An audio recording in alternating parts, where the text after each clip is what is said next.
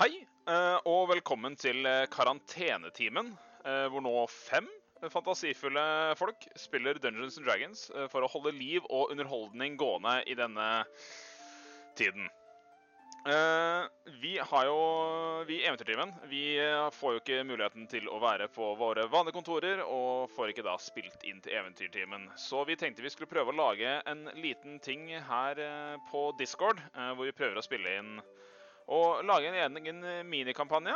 eh, litt lengre oneshot, leda av meg, Olav Guntvedt Brevik, som skal være DM. Eh, og det blir jo den vanlige casten. Vi får jo med oss Magnus som eh, spiller.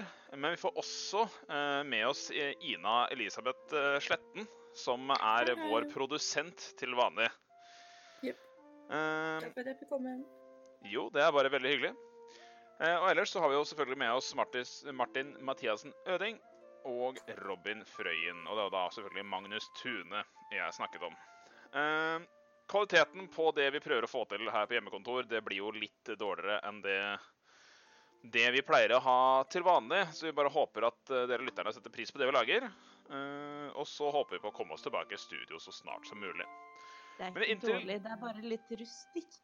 Yes, eh, Men inntil den tid så prøver vi å ha det gøy og spille Dungeons Dragons. For man trenger jo ikke å være ansikt til ansikt for å spille Dungeons Dragons. Man trenger bare å høre hverandre. Eh, Så jeg har tenkt å kjøre en eh, liten kampanje i en verden som jeg pleier å DM-e i til vanlig. Så jeg har jo gitt litt informasjon til, til spillerne mine. Og det går som følger. Dere dere har kjent hverandre i en tre måneders tid eh, etter at dere kom i land via samme båt til det nye kontinentet Alandia. Eh, dere var på utkikk etter nye muligheter eh, fordi dere flykta fra et litt fattig og mulighetsløst liv tilbake i den gamle verden. Havnen som dere kom til, Rakkhavn, er under styre av den normanske handelsalliansen som driver et strengt diktatur i sitt område av Alandia. Eh, det har vært få muligheter for dere eh, i Rakkhavn, men dere har fått gjort noen små jobber og blitt litt kjent med hverandre. På den siste jobben eh, dere var i, så havna dere litt i trøbbel. Dere skulle frakte noen forsyninger tilbake til, til Rakkhavn, og dere havna i konflikt med en gruppe som senest viste seg å være representanter for den nordmannske handelsalliansen. Eh, så dere måtte flykte byen med eh, i frykte for å bli utsatt for konsekvenser fordi da en av de personene døde. Eh, dere har da hørt om en annen by. En by som ligger litt lengre nord i kontinentet. Et slags fristed, eller en fristat.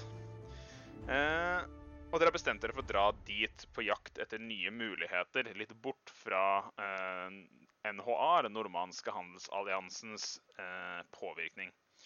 Eh, denne byen heter Hysselhavn og er tidligere kjent som Dragebukta.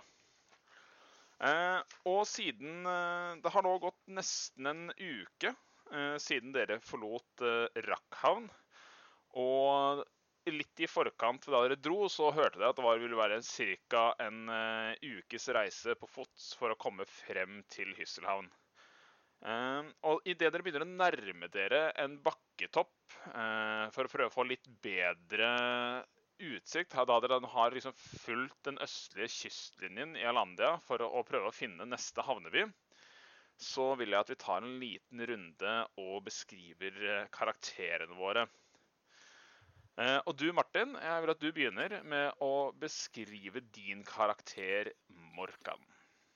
Ja, hei, hallo, det er meg, Martin. Eh, Karakteren jeg spiller i karantenetimen, heter Morkan, og jeg er da en watergenasi, som det så fint heter. Jeg har ganske så blåskjær i huden, halvlangt hvitt hår, eh, konstant fuktig, kan man si.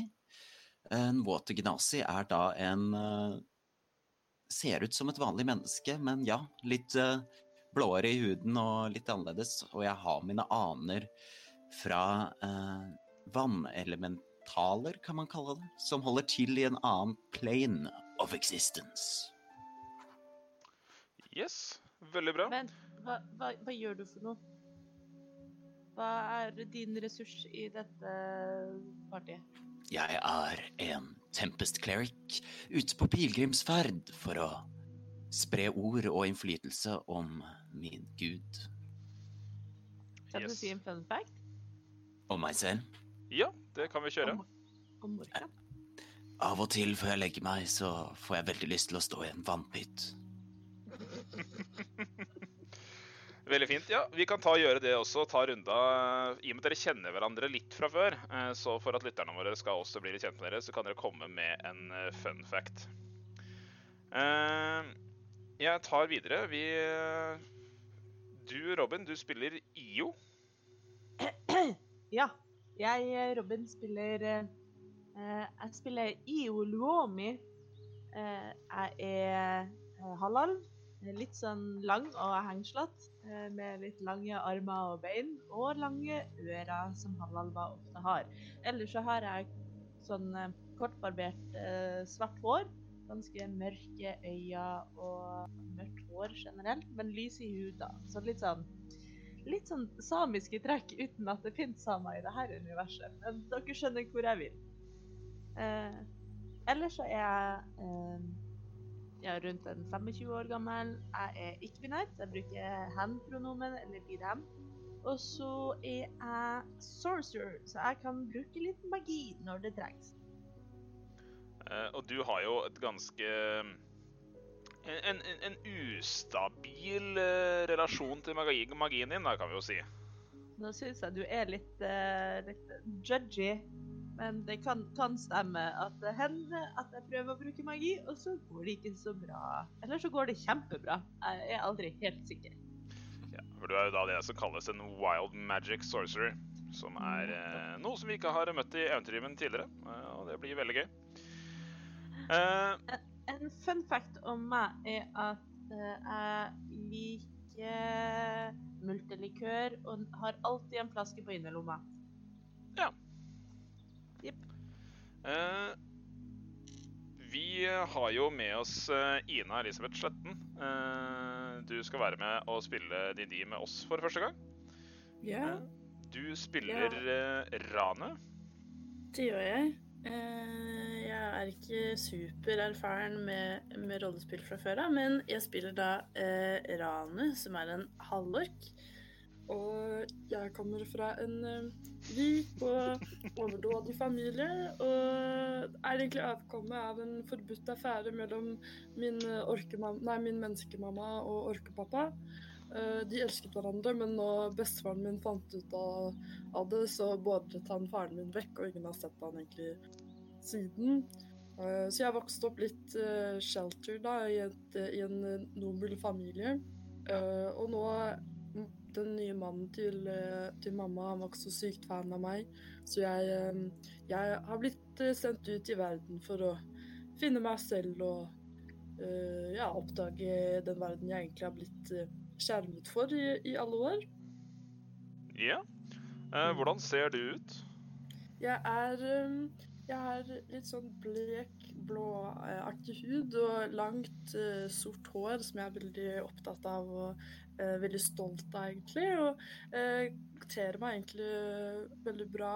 Er veldig rak i ryggen, eller prøver i hvert fall. Og eh, er en eh, utenom det vanlige ork, kan man si. Da har ikke så mye av disse arrene eller eh, sånne type ting som kanskje andre orker pryder seg på, da.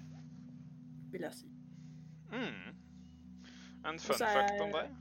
Ja, Jeg er jo barbar, eh, og det er også en, fordi jeg egentlig ikke har Ranu er ikke så veldig konfrontert det faktum at hun er en ork, eller har eh, Og er litt blind på sitt eget utseende. Eh, og da tenker på seg selv mer eller mindre som et menneske, noe hun absolutt ikke er. Og barbarsiden av henne Altså en, en konflikt. Eh, at hun har ikke helt kontroll over sitt eget følelsesspekter. Og kan fort få da raseriutbrudd og bli litt gæren når det kommer til, eh, til slåssing. Mm. Du får Og litt blod på tann. Du er jo Du spiller jo en ganske morsom eh, barbartype. En wild soul barbarian. Og det er egentlig ikke en offisiell eh, klasse, eller subrace, eller underklasse, i, eh, i eh, Dungeons Dragons enda, men den er for playtest, som det heter. Eller at vi som spillere kan teste ut og komme med tilbakemeldinger.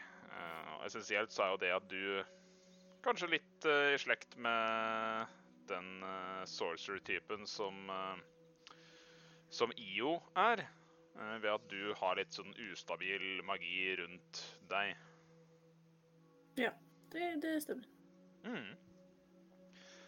Eh, og så har vi jo vår uh, til vane kjære Dungeon Master Magnus Tune. Du, eh, du har jo fått eh, spille én karakter eh, i en jule-oneshot eh, tidligere, men eh, det ble jo bare med en kort episode.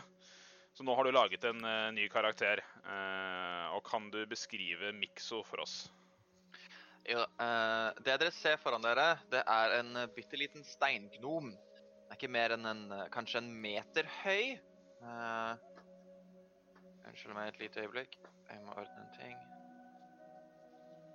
Beklager det. Uh, jo, uh, dere ser for dere en, en bitte liten steingnom, ikke mer enn en meter høy, men med masser av greier med seg. Eh, så vi må starte nederst. Eh, på føttene så har han noe som kan se ut som eh, noen sånn mokasinaktige tøysko, som er veldig slitt etter ferden.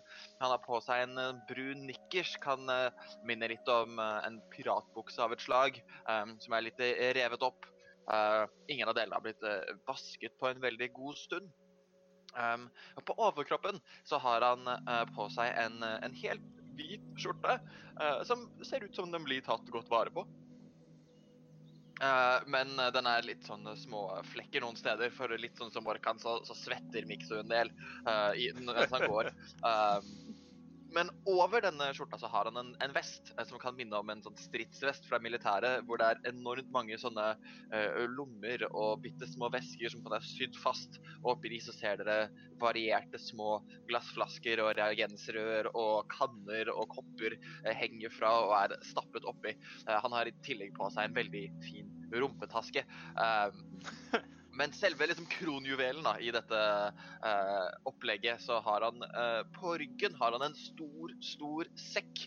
Eh, sikkert like stor som gnomen selv, kanskje litt større til og med.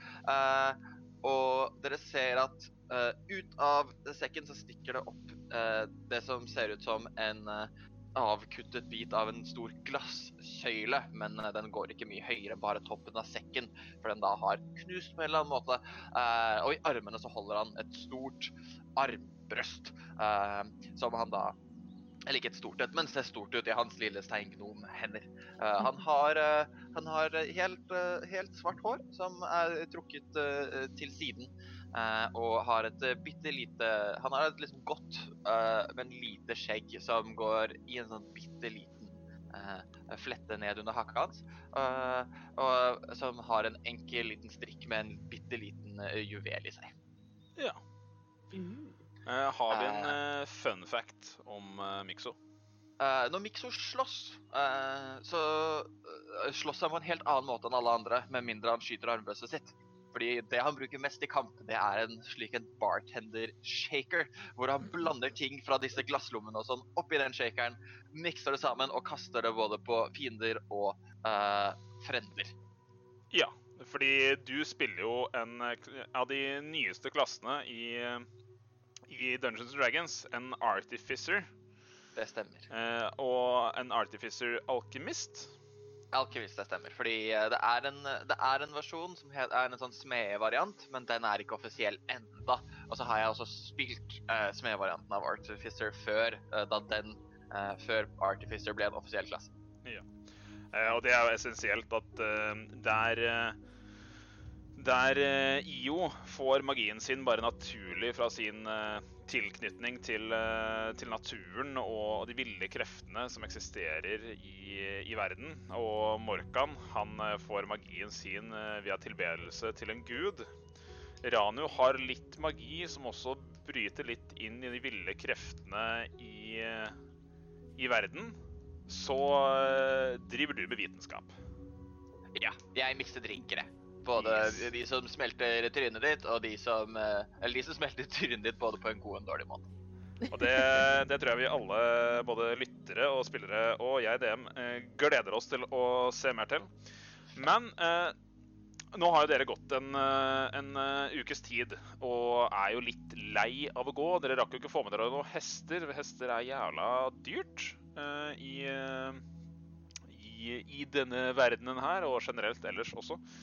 Tror aldri jeg har sett en billig hest før.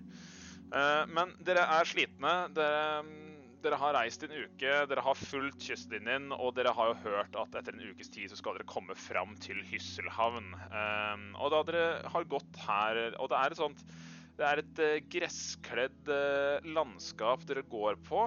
Det er litt sånn vindblåst. Hvis du ser litt for dere liksom de nordlige engelske klippekysten, så, så er vi litt uh, i den essensen her. Dere har jo noe fjell, uh, fjell og skoger til deres uh, venstre side, altså vestover. som man kan skimte, men det er et stykke dit, og dere har bare fullt kystlinja. Dere begynner å nærme dere en bakketopp. og jeg har lyst til at dere, hver en av dere skal gjøre en history check for å se litt av hva dere rakk å høre om eller finne ut om Hysselhavn før dere forlot Rakkhavn. 24. Oi, oi, oi. Jeg Kan noen forklare meg på nytt hvordan man kaster på historie? Du, du tar en 20-sidet stor terning, den største av de alle, og så kaster du den, og så legger du til history-bonusen din, som er på karakterkortet ditt. Ja, OK. Det vi pleier å si er uh, så lenge du ikke får beskjed om noe annet, så kaster du en D20. Jeg fikk ehm, 19. 19. Mm. Eh, Magnus, hva fikk du? 16. 16. Og Robin? Eh, jeg er opptatt med å Jeg har en liten lutt, så jeg gidder ikke å tenke så mye på eh, historier og sånn. Jeg går og tenker på helt andre ting, og jeg vet egentlig ikke en dritt, og jeg spiller litt lutt, og jeg kasta fem. Du kasta fem, eh, og du var egentlig ganske opptatt av denne lutten når du var i Rakkhavn også. Du, altså, du, du, Da var jeg min, på mindre det å bry seg om de lokale folka og historiene de hadde å fortelle. Det var mer å prøve å spille på denne lutten eh, og få oppmerksomhet for det. Eh, litt der det gikk i. Eh, Magnus, du fikk 16. eh, så Mikso han, eh, han eh, liker jo å bli litt kjent nye steder og gå rundt og reklamere for seg selv og sin vitenskap og, og lignende. Og du fikk komme i prat med litt folk, og det, det du vet, er jo at uh, Hysselhavn det, det var jo tidligere kalt Dragebukta, uh, og var kjent som en eh, eh, et fristed av en grunn, fordi det var eh, det var på en måte en eh, pirathavn. Altså her eh, de- som eh, slo anker i denne havnen her, de eh, hadde kanskje litt mer eh, lugubre business deals å drive med. Eh, De, det, altså, det var en ganske kriminell by. Det har du fått med deg. Du, Ina, eller Ranu, du Mhm. rulla 19. Eh, du vet litt mer. Du tatt litt interesse og gått rundt og Sofistikert som du er, så kommer du lett i tale med folk, eh, og folk gir jo deg litt oppmerksomhet. Eh, Ikke av den grunn du tror at du er sofistikert, men at du er en sofistikert halvork, eh, som er ganske unikt uansett hvor du er i verden. Så, så folk var interessert i å prate med deg, og har funnet ut Det du vet, er jo at Hy- Hysselhavn er oppkalt etter en veldig kjent pirat, Hyssel den røde, som, eh, som var eh, etter at Altså, denne Dragebukta var jo kjent for at det var et veldig lovlydig sted, og det var null kontroll på noe som helst, og det var egentlig bare eh, ran, hor og alkohol. Det var det den plassen var kjent for. Men eh, Hyssel den røde hadde litt større planer og klarte å få alle de andre kapteinene og mannskapene under seg og fikk liksom stadfesta at dette skulle være en by. Eh, og prøve å holde et lite styre. Så han ble på en måte en piratkonge som tok kontroll over denne byen. Men du, Morgan, du rulla en Ja. 24. 24. Du eh, eh, Altså, når folk ser at du drypper, så begynner de å svette selv og bli litt nervøse og gir deg all informasjonen du ønsker å få. Jeg drypper av sinne. eh, du vet det at uh, Hyssel, han uh, Hyssel er en ork. Mhm. Uh, han er en uh, liten sjelden vare, men han er en glup uh, ork og har klart å faktisk danne litt eh, eh, sivilisasjon rundt seg. Eh, han eh, eh, Men du vet også det at eh, selv om eh, Hyssel har klart å eh, få kontroll over Hysselhavn under eh, under sitt banner så er det fremdeles flere faksjoner i byen som prøver å prøver å overvinne han, eller ta fra han makten, så han har ikke et sånn enevelde. Eh, selv om han eh, jobber hardt for det og gjør dette på brutalt vis. Eh, og nei, det er jo et spørsmål om han kommer til å klare, og hvor lenge Hysselhavn kommer til å være Hysselhavn. Ja, Det vet du. det vet jeg. Så dette har jo dere hatt litt i tankene imens eh, dere beveger dere eh, nordover. Eh, og dere går jo opp mot denne bakketoppen og regner med at dere snart vil være fremme. Og tilfeldig nok, når dere kommer opp til denne bakketompen, som er liksom del av eh, Det er en klippe på høyre som går rett ned i havet, som dere har fulgt ganske lenge. Eh, og det er et eh, dropp på kanskje en eh, 20 meter. Eh, dere kommer opp da til denne toppen og håper på å få litt utsyn og kunne se hvor langt kan det være igjen til Hysselhavn. Så møtes dere av et ganske unikt syn.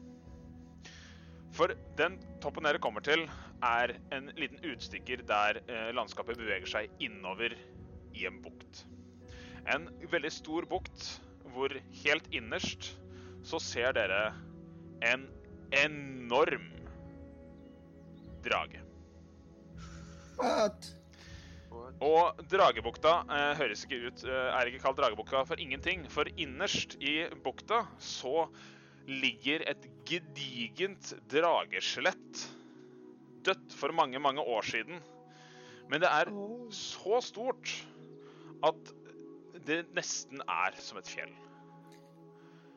Ikke et gedigent fjell, men det er, altså det er vanskelig å se for seg hvor stort det er, og hvor langt unna dere egentlig er, før dere tar en litt nærmere titt og ser at gjemt inni dette ganske godt bevarte skjelettet, som strekker seg med hodet liggende litt ut i vannet, eh, en venstrepote langt ut i, eh, i buktemunningen, en eh, høyre fote litt oppover i en litt sånn bratt kant som stiger opp i, i et bratt terreng innover i landet.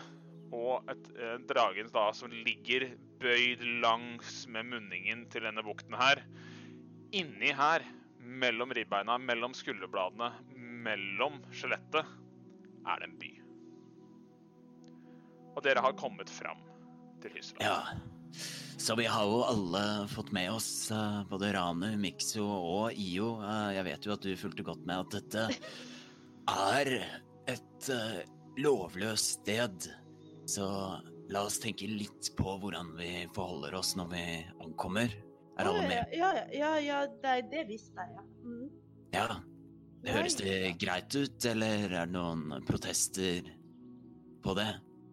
Det hadde jo vært litt seint om vi protesterte nå etter å ha gått i en hel uke for å komme hit. Ja, protestere på hvordan man skal forholde seg, mener jeg. Og sånn, ja. Ja. Så la oss eh, oppføre oss så greit som vi kan, og prøve å finne oss et sted å bo og kanskje noe arbeid. Ja. Ja, Det høres, det høres egentlig meget bra ut for min del. Det er, Ranu, hva er det du sier? Det er, det er lovløst? ja, det er jo Jeg trodde dere hadde fått med Eller, det er jo han eh, piraten Hyssel som styrer byen. Halvork... eh, Orken, eller var det halvork? Jeg husker ikke helt. Det var en ork. Jeg, jeg tror Så han, han kan nok forsvare seg hvis vi kommer brasende inn i byen, for å si det sånn. ja. Vi er vel ikke så truende, ser vi det, da? Nei, eh, bare, bare vent til eh, jeg blir våt, holdt jeg på å si. Nei, eh, Å, det er ikke lov å si. Å, eh, Men OK, men det er, det er lovløs by, det visste jeg jo, herregud. Men um, hvordan Vet dere hvordan de forholder seg til eh, NHA, dem som driver og jakter på oss? Er det liksom sånn at det her er supersafe? For det visste ikke jeg. Det hadde vært sykt nice, for å si det på albisk. jeg tror kanskje vi ikke burde reklamere med at NHA er ute etter oss, men Jeg, har på følelsen at hvis det er sånn som Morkan sier her, at det er en lovløs by, så tror jeg at hvis vi bare sier hei, uh, hvis vi ikke sier at, vi er, at de jager etter oss, og, og NHA dukker opp her sånn, så, så tror jeg det er mer sannsynlig at de som allerede er her, hater disse folka så mye at vi ikke får noe problem. Enig. Uh, Jeg kan si med den rullen du hadde i stad, Morkan, så, så vet du at eh, NHA, eh, de, den nordmannske handelsalliansen, eh, en stor greie de har, er at de prøver å erobre ikke bare det nyoppdagede landet Alandia, eh, som ble oppdaget for en eh, 90 år siden, eh, men de prøver også å erobre vannet mellom Alandia og den gamle verden. Eh, så de har en helt bråte med skip, handelsskip og krigsskip, som de prøver å eh, på en måte, ifølge dem, da, eh, gi ut sivilisasjon til verden. Og pirater, eh, som, som eh, Hyssel og de andre som har holdt til i Dragebukta, eller Hysselhavn, de eh, er nok veldig på kant med, med den normanske handelsalliansen. Besudling av eh, det ville dyp, rett og slett. Eh, skal vi gå ned, eller? Til byen? Hva, vi, Eh. hva som er planen her nå? Skal vi uh, finne oss et sted å bo først, eller hva uh, Dungeon Master, hva er klokka? Uh, tidspunktet på dagen eh, du, du har ikke noe klokke. Eh, klokker eksisterer jo ikke i, i, eh, den verden. Hvor er, Ikke noe er kronometer heller. eh, men eh, det er eh, Hvis jeg skulle beskrevet det med tidspunkt, så har jo dere kommet dere Altså, dere slo eh, slo opp leir, eller dere pakka sammen leiren for eh, tidlig på morgenen og har reist en del timer, så dere er liksom tidlig formiddag rundt ett-to-tiden, vil jeg si. eh, da Altså, dere det kom er ikke hit. Natta, vi har, Hæ? det, er ikke natt, det er ikke natta, vi har ikke lyst til å gå og legge oss. Nei, nei. eh, Det er liksom det, det er ti, altså, sen formiddag, tidlig ettermiddag. eh, Rundt der sånn to-tre-tiden. Og det dere ser jo også, er at dere er jo et stykke unna inngangen til Hysselhavn. For dere, dere har jo ikke fulgt noen hovedvei eller lignende. Dere har liksom holdt dere litt i terrenget for å En, for at det skal være lettere å finne fram ved å holde kysten. Eh, og to, fordi dere vet ikke helt hva dere skal møte på, og hvor, eh, hvor mye NHA er ute etter dere. Men det dere ser, er at eh, litt ut fra det høyre skulderbladet til, til denne enorme dragen, eller dette drageskjelettet, eh, som er rundt byen, eh, så går det en vei som leder eh, sørover, eller litt i den retningen dere kommer fra. Eh, og hele byen og skjelettet, det ligger liksom i en, eh, i en bakke som eh, går fra det platå, liksom, den høyden det platået dere er på, nedover til bukta. Så dere ser at det er en eh, vei som går eh, inn i byen der borte. Det er, er kanskje ikke mange som bruker den eh, veien, men det er noen som reiser til og fra. Eh, det dere også kan se, er jo at eh, liksom opp fra platået, der dere er altså rundt byen, så er det flere åkre som det kan se ut som det er noen som jobber i. Så det er dyrka mark liksom på platået rundt Hysselhavn. Slik at de har tilgang til mat når høsten kommer. Og det kan jeg jo si det er sensommer på det tidspunktet eh, dere eh, er her, da. For dere kom til eh, Dere kom til Alandia litt på, på våren, så sommeren har gått, og det er nå liksom rundt augusttid. Og det er det dere. Deilig. Temperaturen er eh, Det er noe varmere enn dere er vant med fra tidligere. Eh, altså, Alandia er veldig lite kjent. Det er veldig lite Alandia som er utforska. det er stort sett bare østkysten som eh, folk har kommet til. Dere vet at eh, det er et helt nytt land, det er nye skapninger her. Eh, de som har reist til Alandia, de møtte ingen andre mennesker eller alver eller dverger eller lignende raser som dere er kjent med fra den gamle verden. Eh, de møtte mye nytt og rart. Eh, og det var jo intelligente vesener her, men eh, de ble raskt jaget lenger innover landet. Noen har begynt å samarbeide med de nytilkomne innflytterne. Og på en måte den gamle verden har begynt å bygge litt sivilisasjon på østbredden her. Men eh, ja, det er litt varmere i, i klimaet. Ting er litt annerledes. Eh, dere har hørt om nye typer planter, nye typer dyr og mange nye typer farer og monstre. Så det er eh, Det er en ny verden, rett og slett. Spennende. Skal vi ta stien, eller? ja. Hmm. Eller er det noen som har noen andre forslag? La, la, la, la oss bare ta stien. Jeg tenker det er det letteste. Jeg vil gjerne titte litt ekstra på det der eh, eh, skjelettet der, jeg. Og, og idet jeg sier det, så går jeg opp i en av disse mange lommene eh, på vesten min og trekker opp en liten kniv og tar et reagensrør og begynner å smøre inn kniven med litt av oljen jeg har lagret oppi der. Hva, hva gjør det, Magnus? Eh, så som artificer eh, så eh, får man lov å lage sine egne magiske eh, gjenstander med noe som da heter infusions. Uh, og siden uh, jeg er på det nivået jeg er, så kan jeg lage fire slike magiske gjenstander. Uh, og ett av de er da dette, denne daggeren, som jeg nå infuser med enhanced, en, en enhanced weapon. Som gjør at denne dolken blir en pluss én dolk, og gjør den magisk. Ja. Eh, og det tenkte jeg, og det glemte jeg å nevne litt tidligere for lytterne våre sin del. Vi, eh, for, at, for at vi skal liksom komme litt i gang, og ikke liksom starte helt på scratch igjen, så har jeg startet alle karakterene i level 5. Sånn at uh, vi har kommet litt i gang, men vi er ikke på nivået til Eventyrtimen og Trollskalletrioen. Det er vi ikke. Men uh, dere begynner å bevege dere innover uh, i bukten, og komme, slik at dere kommer fram til stien. Og ja, dere kommer fram til eh, stien, og det er, ikke, det er ikke en sti, det er mer en litt sånn bred grusvei.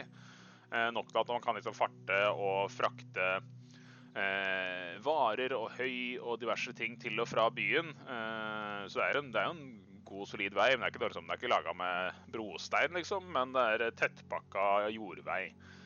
Ja, for jeg husker ikke om du sa det, men er det en stor by, er det en middels by, er det liksom Waterdeep, eller er det landsby? Ja, altså Det er, det er, en, eh, det er en by. Eh, Så det, er- det, den er stor, men det er, altså, det er ikke en metropol sånn som Waterdeep, slik som vi kjenner fra Eventyrtimen. Eh, Det, altså, det er en middels eh, stor by. Eh, Den er ikke enorm, men den er ikke liten heller. Eh, Den er ikke sånn typ på størrelse til Drøbak, men eh, Selv om eh, den passer litt bra med, med den bakkevarianten. Men eh, kanskje litt på her? Er en, jeg må ærlig innrømme at Drøbak er et, en veldig dårlig målenhet for meg. Nå må jeg google Drøbak. Jeg hadde ikke forventet eh, Drøbak. Nei, altså, sorry, jeg tar jo bare for egne ting. Men eh, jeg bare Hvem, hvem har ikke vært i Drøbak, liksom? Uh, går jeg ut ifra, da. Altså, det, er, det er ikke i nærheten av så stort som Oslo. Det er ikke Drammen heller. Det er kanskje mer som Hamar uh, i størrelse. Altså, det er en stor by. uh, men eh, altså, Hvordan skal jeg beskrive dette her, da? Eh, hvis du tar for deg Oslo sentrum, da, for det er kanskje de fleste kjenner til Oslo sentrum, så er det på størrelse med alt innafor i hvert fall Ring 1 og litt ut til Ring 2. Kanskje igjen flere som ikke relaterer til dette her. En Det er en mellomstor by. Det er, det er mange hus, øh, det er mange bygninger, det er mye folk som bor her. Vi går dere ut ifra idet dere kommer dere nærmere. Men øh, det er ikke på nærheten av en sånn storby, stormetropol. Det er en øh, Dette er et øh, ankersted som har sakte, men sikkert vokst mer og mer de siste 90 årene, etter at det kanskje ble oppdaget. Og det bygges utover. Eh, Men det er jo litt begrensa av eh, Man ser at flesteparten av bygningene er liksom lagd inn under selve drageslettet. Men eh, Men eh, litt bebyggelse liksom i utkanten. Så ja, det er cirka størrelse på det. Ja. OK. Mm. Tusen takk. jo, bare hyggelig. Boko ikke nei. Uh, ja, så dere Dere beveger dere mot denne veien og kommer omsider fram til den. Og begynner å bevege dere da direkte nord inn i Hysselhavn. Og den eh, veien dere følger, den leder liksom litt i underkant av det høyre skulderbladet på dette enorme slettet. Og nå når dere begynner å nærme dere, så må dere virkelig la nakken gå oppover for å se bare volumet eh, av denne store domen som på en måte eh, denne, dette slettet lager over byen, som er langt, langt høyere opp i lufta enn de høyeste bygningene dere kan se. Oi, Eh. Og denne veien da strekker seg innover, virker til å være en, en slags bindende gate inn i byen, som dere kan se nesten strekker seg litt ned i den litt nedre delen av byen, og opp igjen på andre siden og fortsetter nordover. Dere kan jo se avstikkere som går hit og dit, eh, så det kan virke som det har vært en liten del av byplanlegging uh, inne i bildet her. Men bygningene i denne byen her Eh, Det er eh, litt spesielt syn, for det virker til å bare være rot. Eh, For det, denne byen her eh, Det er mange bygninger. Eh, Noen av dem er slitt, gamle og nedslitte. Noen er nye, men de aller fleste er et sted midt imellom. Eh, For denne byen bærer veldig preg av at det har kommet mange personer til eh, denne havnen fra forskjellige steder i verden og bare funnet seg en plass og begynt å bygge. Og de kjører hver sin byggestil. Eh, om det her er det noen bygger med tre, noen bygger med planker, noen bygger av siv, og så kommer det en ulv og blåser den ned. Nei. Eh, det, er- det er forskjellige måter folk har bygd på, og så har kanskje noen forlatt byen eller blitt drept, og så har noen andre tatt over og begynt med nye tilbygg i en helt annen stil. Så noen er litt sånn smale, tynne og går rett opp, mens andre er flate. Altså det, det er kaotisk, eh, det hele. Noen deler av byen er litt mer fargerik, andre er kanskje litt mer eh, skandinavisk, litt sånn rolig preg på det hele. Eh, det er en ganske unik del, for liksom byen forandrer seg før, eh, imens dere går lenger innover, eller det dere ser innover. Eh, det virker som at eh, den vestlige delen skal gå litt opp i ribbeinet til, eh, til dragen.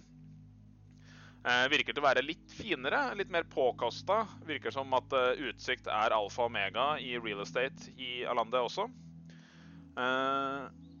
Og dere kan også se en slags festningslignende bygg i og rundt selve hodet til dragen.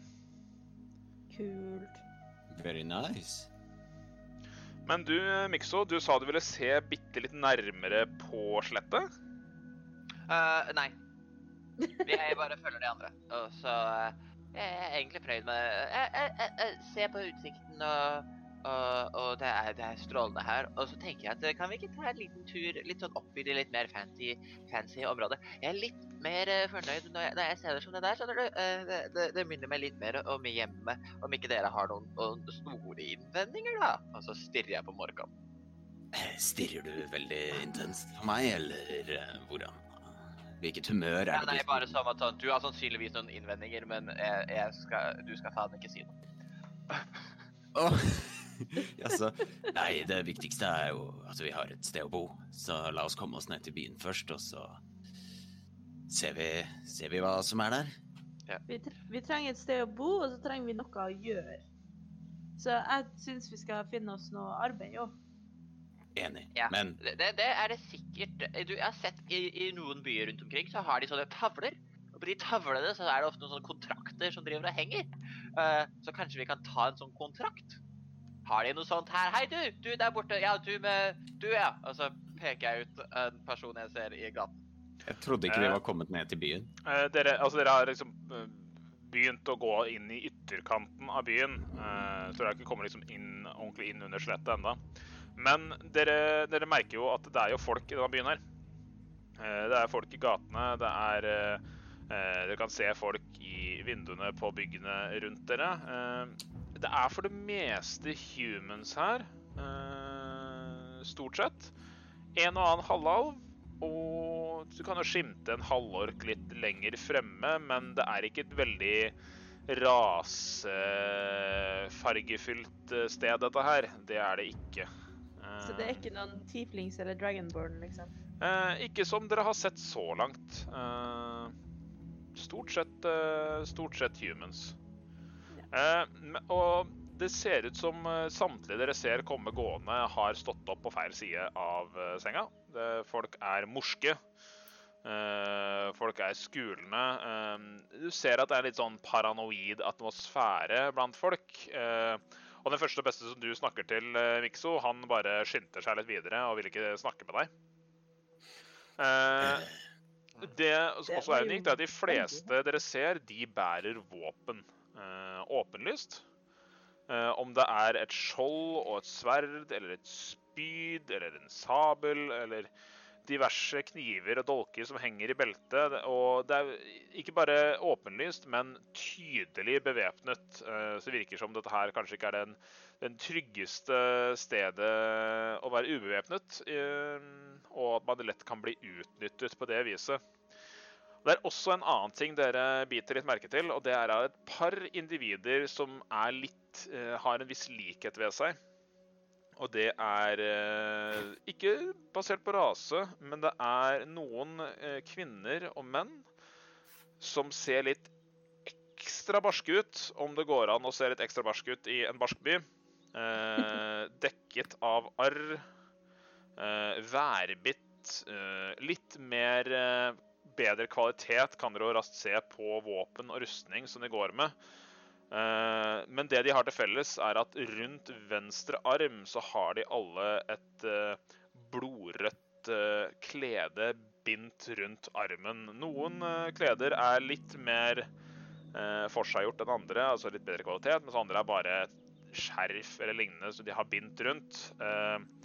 Og Grunnen til at jeg legger litt spesielt merke til dem, er at eh, alle andre som går rundt disse gatene, viker litt for disse her. Dere kan se at de lager på en måte en liten sånn bølge i folkemengden. Hmm. Ved at eh, folk virker til å ha en ekstra respekt for disse individene. Jeg ser da at Mikso overraskende ikke greier å stoppe de forbipasserende, så jeg går og stopper rett foran en av de med armbånd på og sier Hei, unnskyld, vi ser etter eh, et sted å bo og eh. arbeide i denne byen. Med en gang så stopper eh, denne Det er en menneskelig mann, eller en human man, som ja. du stopper. Han er skalla. Han har Altså, han er litt sånn Man of Steel bøs type. Eh, ikke sånn bodybuilder-bøs, men bøs som er litt urealistisk, men er realistisk i en fantasiverden. Jeg må ærlig innrømme at uh, adjektivet bøs har jeg ikke vært borti før i mitt voksne liv. Ikke jeg heller, men jeg bare aksepterte det. Seriøst? Aldri hørt før. Men er det en hedmarkingsting? Det kan hende. Vi sier bøff. Bøff, altså bøs eller bøff. Eh, på en måte at du er eh, muskuløs. Mm, ja. Ja. Jeg kommer til å bruke det, for det er veldig naturlig for meg at han er litt bøs. Beklager til lyttere, for jeg innser jo ikke sjøl når det er rare uttrykk jeg bruker, som er veldig vanlig for meg, men ikke er vanlig for resten av landet. Så lenge han er bøs og ikke løs, så heio. Heio! Oi, oi, oi. Dette her er god underholdning, folkens. Det er ekstra, ekstra fint hvis han er løs også. Nei, unnskyld. Uh, la oss fortsette.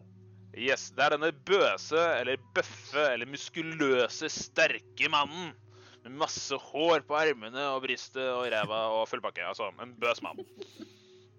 Eh, han har på seg en eh, lærrustning, men uh, det, det, den har på en måte masse plater. Det ble tenkt at det var, ville vært en slags scale mail av noe slag, men det virker som om disse platene i rustningen hans er laget av leire eller eh, stein eller lignende. eh, som vil gi litt ekstra beskyttelse, samtidig som det ikke er like dyrt som metall. da. Og kanskje ikke like varmt som metall, kan man tenke seg.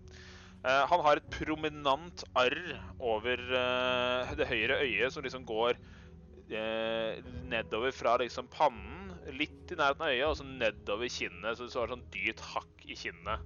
Og han eh, ser på deg, Morkan, eh, fordi du stopper han, og med en gang så tar han litt sånn instinktivt til et, eh, en stor klubbe, eller mace, som han har med seg. Eh, bare holder litt sånn demonstrativt på den. Så virker som en mann som er vant med at folk respekterer han uten at han trenger å vise for mye, mye mer muskler enn det han egentlig har.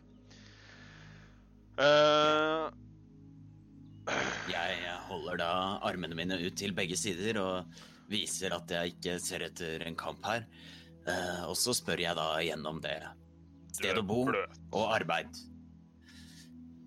Uh, på en måte, ja, men på andre Hva i all verden er du for noe? Jeg er uh, det du kaller en skapning av havet. En vanngenasi, om du vil. Hm. Fint for deg. Nybyen, kanskje? Eh, flunkende ny, om du vil. Flunkende ny i byen, ja. du må ikke innrømme det. Ja. Det er jo tydelig. Ja. Arbeid, sier du. Hva duger du til, da? Uh, jeg duger til uh, så mye, så mye, sier jeg, og så blunker jeg til ham. uh, gi meg en persuasion check. ok. Bare litt sånn for å få litt Hvor karismatisk er du her? Eh, persuasion Det er faktisk 15. Ah. Ah. Ja. Ja. Vel, arbeid. Tar en tur ned til kroa. Nede i Nede ved havna. Spør der. Skal Kroa? passe bo. Finne et gatehjørne. Deg på en av plassene. Stikk den en skitne potet, pyramiden, palasset. Jeg bryr meg ikke. Flytt deg. Er Tusen det, en takk. plass, er det en plass som heter Den skitne potet? Han bare begynner å gå videre. Og Takk, Herregud, takk. det er jo fantastisk. Ok, dere. Kroa for arbeid. Eh, mange steder å velge mellom for eh, steder å bo. Hvor vil dere? Altså, jeg ble litt eh, intrigued av Den skitne potet, men det er kanskje ikke det fineste stedet å bo når jeg tenker på. Jeg tror det kanskje var det motsatte. Uh, skitten potet er kanskje ikke helt det jeg ser for meg.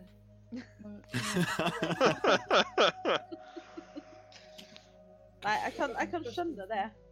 Mikso, du sa jo at uh, du er jo en person som liker de finere ting i livet, er du ikke det? Så du vil kanskje til palasset, du, eller? Eh, altså, altså sånn, altså, eh, Palass eh, helst, selvfølgelig, men så lenge jeg slipper å bo på en skitten potet, så er jeg egentlig ganske fornøyd. Jeg jeg syns pyramide høres litt sånn Hva kalles det? Spenstig? Er det det ungdommen sier nå? Uh, spenstig ut. Spenstig. Jeg er enig i at helst ikke liksom palasset. Det er ikke alle her som er lag gull, men Nei, jeg er laget av vanen nei. Eh, Men, men du, Morkan. Ja, Når du tisser, ja. hva tisser du da? 100 saltvann, vet du. Ah, ok. Kun, kunne jeg fått litt av det? Nei! Nei! Mikso! Jeg tenker vi bare Du får tenk, tenk på, sov på det, du. Men jeg kan Eh, dere jeg ser at eh, på, første, det på første gang så blir eh, Morkan satt ut og ukomfortabel. Altså, det, jeg, eh, jeg kan ikke lyve. Jeg kommer nok til å gjøre rare ting med det, men det blir alltid til deres fordel. Det kan jeg love. Ehm, eh, Men, men vet vi retningen på noen av de stedene? Ser vi noen av dem? Eh, dere har nå kommet eh, litt lenger inn i byen. Dere har liksom ikke kommet inn til midten, eh, men dere har gått et lite stykke langs denne veien dere kom fra, fra sørsiden. Eh, og dere har hørt Det eneste dere hørte om hvor var, det var kroa, som han sa var nede i havneområdet. Mm. Ellers så beskrev han ikke hvor palasset eller pyramiden eller den skitne potet ligger. Å nei. Kan vi ikke stoppe en til? er, det noen, er det noen å stoppe? Nei, Altså, det er folk rundt dere i gatene, men altså, igjen eh, Dere er jo en, eh, skal vi si, unik samling med individer med mm, Altså, en halvork skiller seg kanskje ikke så mye ut, kanskje ikke en halvalv heller. Eh, Mikso, du er jo en eh, steingnom full av duppeditter. Så du skiller deg litt ut og får litt blikk. Eh, og du også, Morkan, som er laget av vann, eh, skiller, deg, skiller deg litt ut, altså. Så, så folk har jo laga en liten sånn de går ikke på dere, for dere er litt usikre på dere. Eh, ikke sånn redde, men vet ikke, de vet ikke dere, hvem dere er, så de bare går litt sånn rolig rundt. Men Dere har ikke liksom stoppa trafikken eller noe, men det er, det er noe folk her og der. Jeg liker at de vanligste i partiet vårt er en halvork og en halvalv. Men finnes det noe sånn veiskilt eller noe sånn som peker i rett, forskjellige retninger eller noe? Eh, gi meg en investigation check. Oi. Er det 20 og legg til investigation. Jepp. Å ja. Åtte? Eh, du finner et skilt. Uh, det er på siden av veien. litt fremme, lenger fremme. Det virker som å være et sånt veiskille litt lenger fremme. Eh, og ganske gira over at du har funnet noe. eh, funnet noe sivilisert i denne kriminelle byen. Så løper du bort dit. Og du ser et, da et skilt som peker eh, eh, Det ene peker nordover, den andre østover. Det, eh, så en som peker sørover, og en som peker vestover. Og på, på disse skilta så står det nordover, østover, sørover, vestover. Um, jeg, jeg prøver å få øyekontakt med en person som stirrer på meg. Eh, OK, Uh, gi meg en uh, Prøver å få øyekontakt, ja. Uh, Ja, sånn, Hvis de stirrer på meg, så bare stirrer jeg tilbake på dem. Og så med en gang sånn, jeg setter de ut, og jeg ser at de ser meg i øynene. altså, så du prøver liksom å, å fange oppmerksomheten til noen og liksom cornere dem litt? Ja. Ja, OK. eh, Gi meg en generell uh, karisma-check. 17. 17. Eh, jeg bla opp eh, noen flere MPC-er her. Du ser eh, en eh, en halvalv som har stoppa litt opp og ser på deg. Han Han er dekket i tatoveringer og har har eh, litt sånn skitne, fillete klær på seg. Og det virker som at dette her er kanskje en eh, litt lavere stående person i denne byen her. eh, en som ikke har klart seg så fryktelig bra. Som liksom sitt, står litt sånn hengslengt inntil et hushjørne. Eller sitter litt oppå en kasse. og som stirrer litt sånn storøyd på deg og prøver liksom å se bort med en gang du snur deg, men liksom sånn Men ser tilbake igjen, og nå har du liksom plukka han ut og begynt å bevege deg mot han, og han liksom OK, han innser denne sosiale interaksjonen her, den eh, den kommer han seg ikke unna, og han håper bare at du holder deg en meter unna hashtag social distance. uh, jeg går opp mot han, og så sier jeg Du! du det er frekt å stille sånn som det der, men du, du, du kan hjelpe meg. Kan du peke meg mot pyramiden? pyramiden. Ja, den, eh, den, eh, den er den veien. OK, hvor langt unna er det? Det, han peker eh, litt uh, sørvest for der dere er nå. Uh, det er like langt dit som det er til dommedag. Wow. Inside check. uh, OK, kjør en inside check. Uh, fem. Uh, eller OK, uh, sorry. Uh, inside check er ikke en spill eller noe sånt nå. Hva er det du prøver å finne ut her? Om han lyver når han sier at det er like lang tid som til dommedag. Eh, OK, eh, inside check for å liksom hva, Åssen type er dette her? Eh, hva sa du du fikk? 15. 15. Eh, han her bor nok på gata. Han vet nok hvor pyramiden er. Han virker ikke som han lyver der, men han virker også som han er litt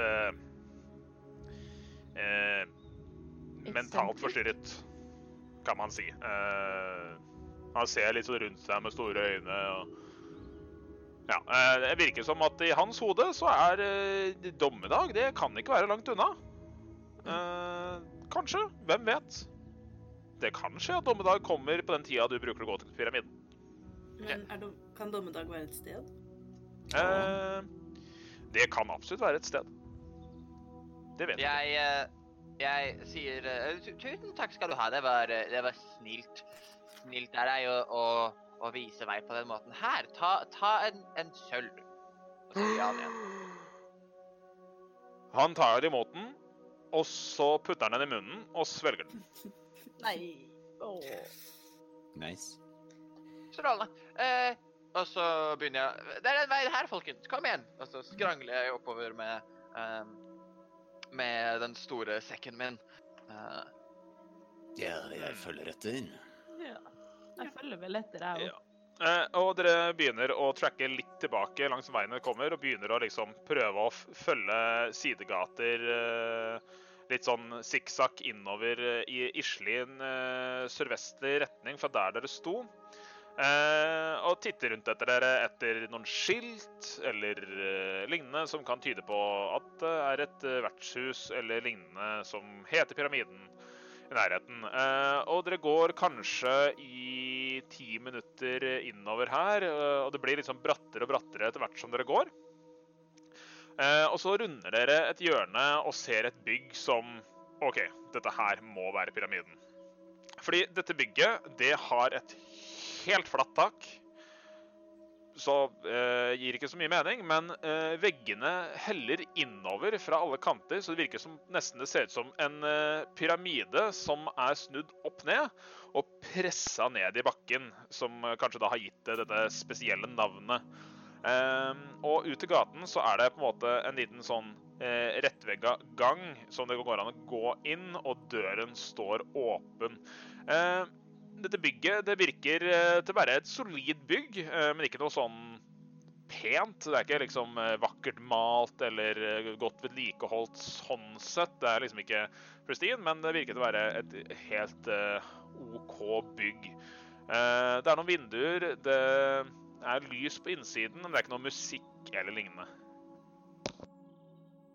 Ehm, jeg kommer til å se på uh, Ranu. Uh, du, Ranu. uh, kan du gjøre meg en tjeneste? Hva er det?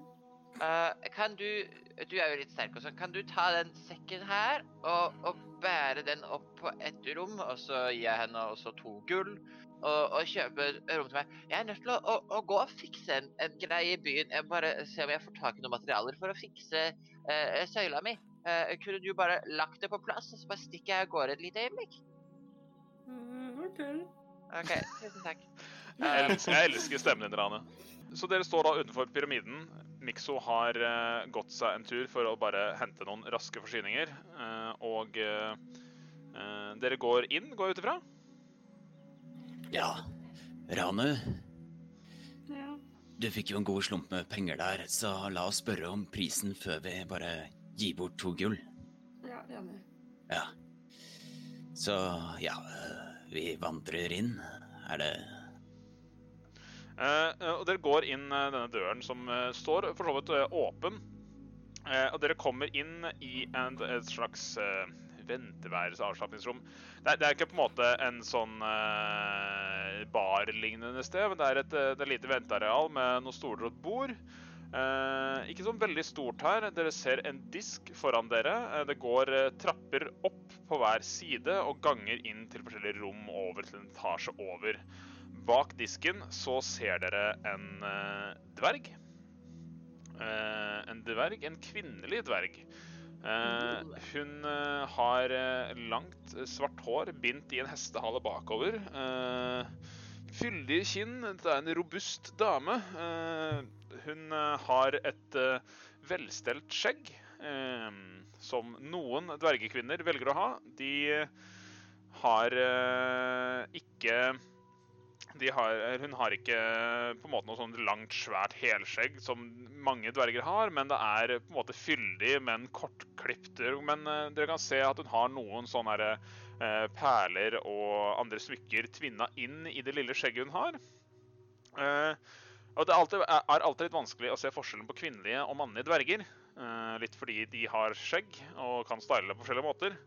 Men eh, litt eh, grunnen til at dere kjenner denne her raskt som en kvinne, at hun er, hun er jo en ganske eh, porø, nei, sånn stor dame, eh, og hun har ganske ja, hun er ganske brystfager, da, eh, om man kan si det sånn. Det er liksom som du har, eh, du har en ekstra mage på hver side oppå magen. En, er en ganske stor dame som eh, smiler til dere og reiser seg opp eh, liksom ved disken, som er litt lavere enn det som er til vanlig, i og med at hun er en dverg, eh, og eh, ser bort til dere Rane, forventningsfullt. Ja. har du sett hvor porøs den dama der er? Sorry, det var, det var teit ord. OK, greit. Slutt å mobbe. Å, det var ikke jeg som sa noe, heldigvis. Jeg tenkte på holdt på. Hei, Ja, dvergedamen. Halloen, velkommen. Velkommen til meg. Å, hvor fin dialekt du har. Er du nordfra? Nei, men takk skal du ha. Jeg er ikke nordfra. Jeg er fra under bakken. Er du fra Underbakken? Ja, men da er vi ikke fra samme sånn. Nei, men det er lov til å ha lignende dialekter, vet du. Velkommen til pyramiden. Eh, hva kan jeg hjelpe dere med? Eh, nei, vi lurte bare på om dere hadde noen ledige rom. Hva det eventuelt koster. Jeg har ledig rom. Eh, Det spørs hvor mange rom dere skal ha. Eh, Jeg har litt forskjellig kvalitet på rommene mine, men ikke sånn fryktelig store forskjeller. Og det, det er det samme prisen på de fleste. Skal vi se Det blir stort sett eh, fem sølvmynter for et rom for dagen. Og, og med i prisen så får dere to måltider. Både et middagsmåltid og et kveldsmåltid. Og så får dere tilgang til badestampen ut bak. Og, og vannet, det skiftes hver dag. Men uh, hvor mange er det plass til på et rom? Altså, hvor mange Det, det, det kommer an på hvor komfortabel du er med å være i antisfære, det da, kjære deg. Det er Men alle rommene, de har en seng og en halmmadrass. Og jeg kan fikse flere halmmadrasser hvis dere alle sammen vil bo på samme rommet. Eh, Det høres vel greit ut eh, at vi kjøper to rom, og så splitter vi oss opp. Jeg tenker òg det at to rom er kanskje greiest. Ja. Ja. Men du sa hvor, hvor mye var det? For Fem sølv for rommet per natt. Hmm. Men kan ikke vi få en litt sånn pakkedeal? For det er jo Når vi kjøper to rom, så burde vi jo få lov til å betale litt mindre for rom nummer to. Å, kjære jo deg. Du er ny i byen, er du ikke? Vi kunne jo bedt om å få leie bare ett rom, og så måtte du satt inn flere senger, så det hadde blitt mer jobb for deg, og mindre penger. Det blir ikke mer jobb for meg, må du skjønne. Men eh, nei, du, du er ny i Hyselhavn, er du ikke? Nei. Roll and deception check med disadvantage på måten du sa det der. Uh, skal vi se, da blir det uh, deception. Ja. Uh, du skjønner det at jeg har pluss åtte i deception. Eh, så seks pluss åtte, det er 14. Ja, Ikke dårlig, da skal jeg faktisk kjøre en insight fra hun dama her. Ja. Ja, men du er ikke det. Nei. Nei, Nei, men jeg tror ikke du helt har forstått hvordan den byen her fungerer. Og det blir ikke noe pakkedeal. Og hvis jeg presser det mer, så, så går jeg opp i pris. Det er så enkelt. Nei, men OK, uh, uh, min gode Hva var navnet ditt? Katra heter jeg. Min gode Katra. Vi slår til på den dealen der. er, maten er vel god? Det- Det er mat. Ja, ikke sant. Uh, vi, vi slår til. Eh, så to rom, takk. Eh, og så, så skal vi ned til kroa etterpå for å se etter arbeid. Er det noe vi bør vite før vi Jeg er jo ny i byen, selv om IO ikke er det. Du er ny i byen.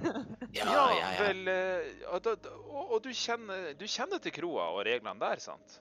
Eh, Reglene kan jeg ikke så mye om, men kroa Jeg vet hvor det ligger, i hvert fall. Utmerket. Men hvis du ikke vet altså, OK. Du vet åssen by det her er, sant? Det gjør jeg, vet du. Det er ikke videre trygt rundt omkring i gatene. Og, og folk har en tendens til å, å, å fri hverandre for eiendeler og, og, og kroppsdeler og litt sånn. Så, Ikke sant? men kroa Kroa har alltid vært her. Og kroa har alltid vært et fristed i byen. Altså ingen vold og ingen konflikter på kroa. Aldri vært okay. og kommer aldri til å bli. Og det, er- det er jo de som forsøker, og, og de dør. for da, da får du hele byen imot deg. Og, og, og den regelen om at på kroa, der er det våpenhvile. Det gjelder også for de driverne av byen, av, kroa. Tarr-familien. Ikke rør dem. Bare sånn. Tarr-familien. Tarr-familien, ja. Ja, OK. Uh, tusen takk for uh, tipset. Her har du en ekstra sølv til deg, Katra.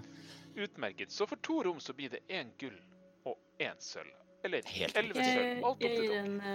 Eh, jeg gir en av de uh, Mikso til meg. Ja. Så hun tar én gull fra deg og én sølv fra deg, eh, Morkan. Eh, Hun snur seg rundt og finner fram eh, eh, Ikke nøkler, fordi det er ikke så mye å nøkler på døra, men et par slags eh, jernbolter. Eh, og gir en til deg, Morkan, og en til deg, Rane. Eh, og så kommer hun rundt disken og følger dere opp i andre etasje. Eh, hvor du et, eh, litt sånn opp og rundt og bort til et rom.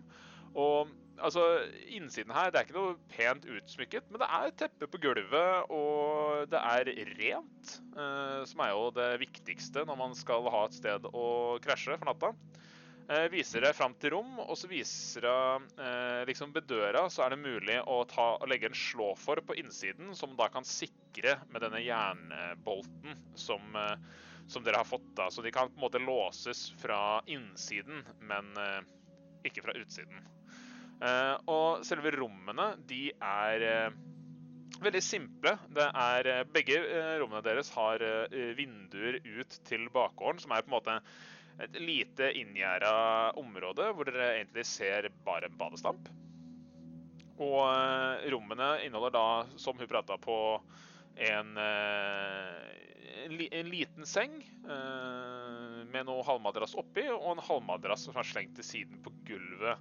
Det er også en lite skrivebord, eller en pult, eller ja, mer en kasse i enden av rommet, og en liten trekrakk. Eh, eh, og oppå på denne boksen da, så er det et, eh, et talglys og sånn holder som er utent, da, sånn at dere kan fyre opp og få litt lys inne i rommet til kvelden. Ganske likt på begge, begge rommene. Og Katra takker for seg og rusler tilbake ned, med mindre dere har noe mer dere vil spørre henne om. Nei, da har vi jo fått oss rom. Forhåpentligvis så er de ved siden av hverandre. De er, eh, de er rett ved siden av hverandre. Ja, så da hører vel alle hva vi sier. Skal vi komme oss til kroa, eller? Ja. Uh, Er du med på det, vi, men- Ja. har, vi, har vi fordelt rom? Hvem som sover hvor? Det spiller ingen rolle for meg, egentlig. Uh, Ranu, jeg ser for meg at du kanskje har lyst på senga. Ja, gjerne. Uh, og så tenker jeg det at når Mikso ikke er her, så uh, mister han sengerettigheter. Enig. Så hvis dere har lyst til å dele rom, så går det sikkert fint, og så kan du ha senga. Skal jeg dele rom med en annen mann? Eller så kan du og jeg dele rom. Uh, jeg er jo ikke nødvendigvis en mann, men jeg er nå ikke nødvendigvis en jente heller. Så vet Jeg kan, jeg kan dele rom med Mikso, ja, det går fint. Nei, vent, må jeg sove på gulvet da? Vi Du kan har en hente halvmadrass på gulvet, på en måte. Nei, den sengen, den sengen skal jeg ha, frøken. Ja, nei, det går fint. Jeg har nå sovet på været før. Eh, Så Morkan og Mikso deler rom, eh, hvor Morkan tar rast og hiver seg på senga. Mm. Og Ranu og Io, uh, Luimi, det, dere tar og deler rom. Luomi! Luomi, beklager. Eh, jeg bare har, eh, Broren min har en bikkje som heter Lumi, så det blir litt sånn Å Oh, ja. ja. Det er luomi. Jeg tror Ja. det er multe på samisk. Noe sånt. Eh, det, det vet ikke jeg heller. Eh, men eh, ja. eh, og dere bruker kanskje noen minutter på å Har dere lyst til å legge igjen noe på rommene her? Eh, eller har dere lyst til å gjøre noe spesielt før dere begynner å bevege dere mot, eh, mot kroa? Eh, Vel, jeg gidder ikke drasse på se sekken til Mikso. Den setter jeg igjen. Ja, jeg også har Jeg har bare ti gull i hele verden, men jeg har ikke lyst til å drasse med meg all gullet mitt ut i en by som er kjent for å være litt sånn lovløs. Så jeg legger igjen fem gull på rommet. Okay. OK. Jeg Eh, har med meg tingene mine. prøver du å gjemme de gulla på rommet, Jo? Ja. Gi meg en, eh, bare en stealth check for å se hvor flink du er til å gjemme dette her. Hvor flink jeg er til å gjemme dette her. Skal vi se. Fire. Eh, du legger dem under puta. Ja. Ja, OK. eh, rett og slett. Eh, og det er faktisk en pute her, og, og det er ikke på en måte en veldig god pute, og det er ikke en dyne her. Eh, hver av disse madrassene har en pute og et pledd. Eh, Vent, det ser ut til å være et uh, ullpledd, så er, du kan se for dere at det klør ganske mye. Jeg har en idé. Er det uh, et lite sånn simpelt putetrekk på den puta? Uh, det er ikke et pute, nei. Det virker som å være mer en sånn eh, potetsekk som det er stappa noe passelig mykt inni. Jo da, men det er en egen sekk. Ja. Jeg eh, spretter den åpen med daggeren min, og så putter jeg fem gull inn i puta. Og så eh, bruker jeg mending cantripen min og mender den sammen. Ja, med den stealth-sjekken uh... Ja, OK, greit da, greit da. Du gjør det. Jeg kom på, jeg kom på selv. Da var jeg flink. Ja. OK, greit. OK, jeg skal la det gå. Jeg skal la det gå. Tusen takk. Mending da, så er en cantrip som gjør at du kan eh, få noe som du er nylig er ødelagt, på bare Ikke noe stort, uh, men noe lite til å repareres magisk vis. Og du kutter opp eh, puta, dytter de, fem gullmyntene inn, men du gjør det ikke på en måte inn i eh, vare, men liksom på utsiden. Så hvis du rister det på puta, så klarer man å se at det er mynter inni. Eh, Ja, så langt så- jeg ja, og så bruker du da Mendy-cantripen, og du kan se liksom der stoffet i den der putevaren eller den der potetsekken eh, er blitt kuttet opp, så bare snor det seg og liksom binder seg sammen igjen. Eh, og det er ikke noe spor etter at du har skåret opp og gjort hærverk på inventaret til eh, pyramiden. Ja, men det er det ingen som vet. Uh, ja. Uh, og dere tar dere litt uh, tid her. Dere tenker at dere skal dra til pyra, til, til kroa. Eh, og mellomtiden så tar vi og speiler over til Magnus eh, og Mikso. Mikso, du tok deg en, en liten runde bare for å løpe rundt eh, og finne noe utstyr. Hva er det du ønsker å få tak i i denne byen her? Det, øh, det jeg ønsker å, å, å få tak i, det er øh, Jeg trenger øh, Jeg må finne en glassblåser. Fins det en, en glassblåser her? Eh, gi meg en investigation check for å se om du uh, på en liten runde rundt i nærområdet finner noe som kan ligne på en glassblåser. Eh, ni. Eh, du leter etter en glassblåser, og du ser liksom etter de vanlige tegna du er kjent med fra den gamle verden. Liksom litt sånn stor, prominent forretning. For glassblåseri, det er jo ganske unikt, og det er ikke så mange som kan det. Eh, men eh, nei, du tar deg ikke ja, 10 minutter, 15 minutter, og du begynner å innse at nei, det er kanskje litt vanskelig å finne det. Eh, du ser ikke noe tegn til det. Eh, men du finner en forretning hvor du eventuelt kan kjøpe deg et par glass wiles som de har fått fra et sted. Å ja. Uh, uh, Helsike. Uh, ja, det var ikke helt det. Eh, har dere noe sånn lim av noe slag som jeg kan lime sammen glass? Eh, og den eh, personen du snakker med, han eh, som er eh, eh, Hun er en eh, En eh, Nei, beklager. Eh, Jesus. Han er en half-elf eh, som har en del eh, piercings eh, her og der i ører og ansikt. Eh, eh, og du spør han om lim, og han jeg, jeg, jeg, jeg li- Lim, sier du? Jeg, har Jeg har mel og vann. Du kan det, du ok. lage lim av det. Du, tusen takk for hjelpen. Eh, Egentlig ikke helt det jeg eh, så etter, men, eh, men takk skal du ha. Jeg tar de der små, små reagensrør glass vialsa dine. Jeg kunne jeg kjøpt dem? Bare hyggelig. Du koster tre sølv for disse fem. Ja, strålende. Jeg ser meg litt rundt om i den butikken her. Hva er det rareste i butikken? Den stammen jeg har Uh, den neste rareste. neste rareste. Uh, altså, hva er det Mikso er på utkikk etter her? Uh, altså sånn på dette, uh, Gjerne noe robust. Noe som kanskje kan minne litt om et, en skjelettbit, eller kanskje noe ekkelt, snørreaktig. Noe litt sånn robust og brutalt, på en måte. OK, gi meg en investi... Nei, gir meg en Jo, gi meg en investigation check. 15. Nei, 14. Unnskyld. Eh, du eh, finner et gevir som er oppe på veggen. Eh, det er et litt unikt gevir. Eh, ikke noe sånn, sånn type eh, Altså, dette her er ikke noen del av noen han selger, men utprydning på veggen. Eh, og der de på en måte Det er ikke som et elggevir eller hjortegevir eller sånt noe. Det virker å være fra en, et slags dyr som du ikke har sett før, som pryder veggen her. Eh, eh, hvor, hvor mye skal du ha for en bit av det geviret der, min gode mann? V- Bit? B- Ja, en bit av geviret. Jeg, Vil du si at geviret er verdt sin vekt i gull? ja Ja, strålende. Jeg tar fram én gull. Kunne jeg tatt ca. så mye eh, vekk fra geviret? Det Det eh, Ja. Hva er det du driver med? Du er her ikke? Hva hva er det du sa? Ja? Ja, sikkert. Eh, tusen takk. Eh, og så tar jeg fram den dolken jeg hadde smurt inn.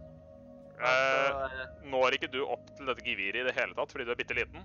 Så denne her Ah. kommer rundt og med en liten sånn eh, trappeordning eh, og klatrer opp og hekter av denne geviret som er plassert eh, på en sånn plakett på veggen. Og lar deg kutte av en bit som er tilsvarende størrelse og ikke vekt av gullet. ah, strålende. Uh, uh, ja, jeg tar det geviret, og så putter jeg det ned i rumpetaska mi. Og så gir han et lite nikk og gir han gull og tre sølv for de tre reagensrørene. Og så uh, går jeg tilbake igjen mot pyramiden. Det var fem regensrør du fikk for tre Fem reagensrør, wow. Ja. Uh, og du går tilbake til pyramiden. Ja.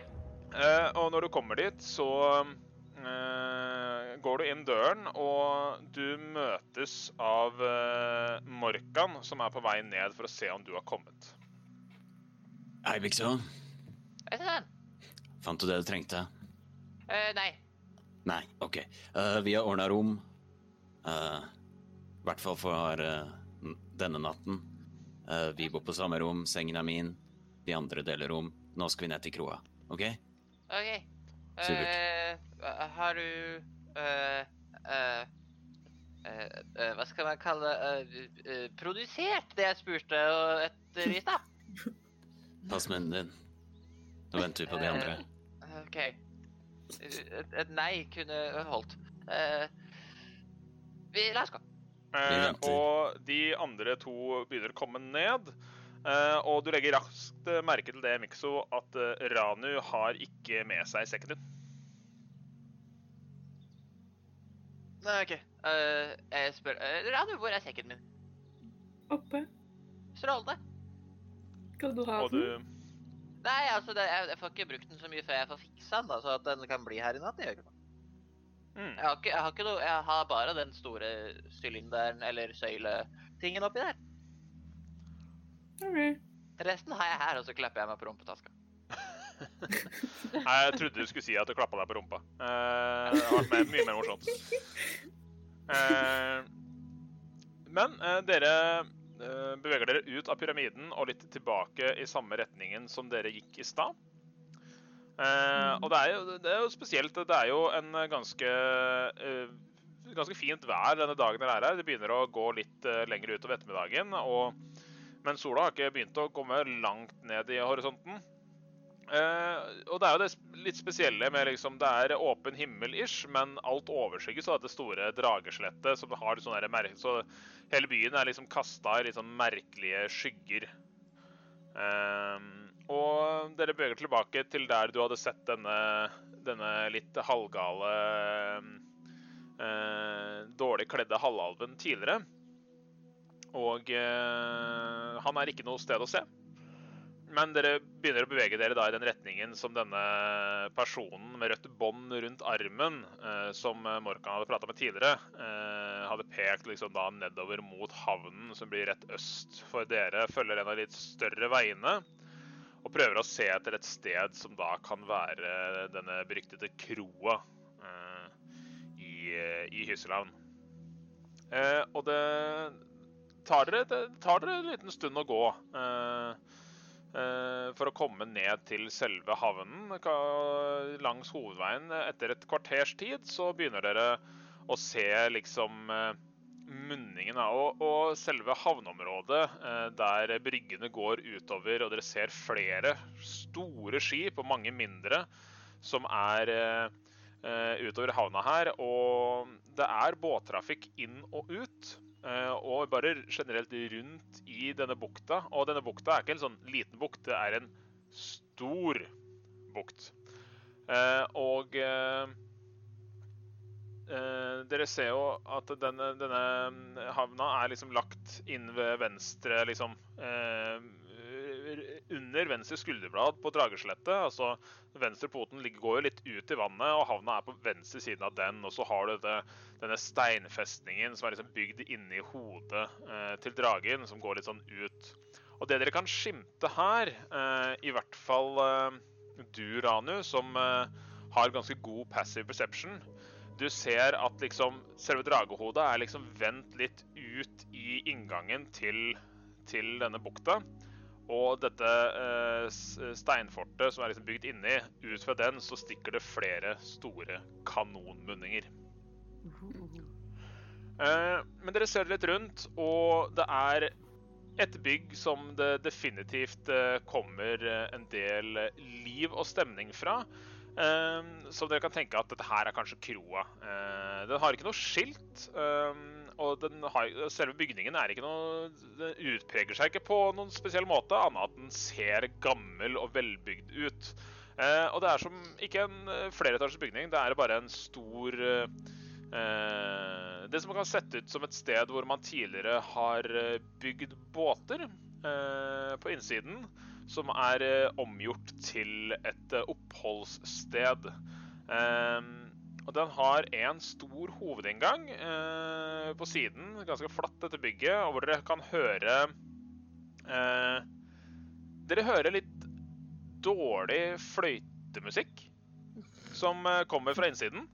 Eh, litt som om noen som driver og lærer seg å spille fløyte, eh, spiller fløyte inne her.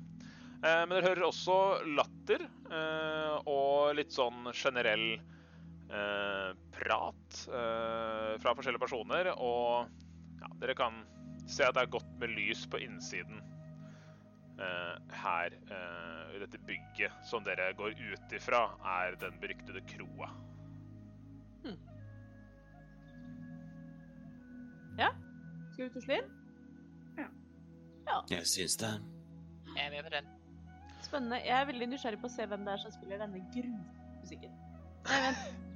Jeg er veldig nysgjerrig på hvem det er som spiller denne her grufulle musikken. Sånn. Jeg syns ikke du er så sykt mye bedre, Johan. Jeg syns du skal uh, holde de meningene til deg selv. Du, jeg er kjempeflink. Du har bare ikke hørt meg ennå. Jeg hørte en uke i strekk nå. Ja, men jeg har pluss åtte i performance. Er veldig flink. OK, eh, da, da skal vi ta noe morsomt. Da kjører vi en tilbakevendende performance-roll for hvor bra du har klart å spille på lutten din for dine kompanjonger mens dere har vært eh, på en ukes reise. Jeg skal gi deg kun én rull, som vil si hvor flink du har vært her ute. Å, terning, vær med meg. Oi! Det ble en eh, to på terningen, så, men ti, da. Så er helt under middels.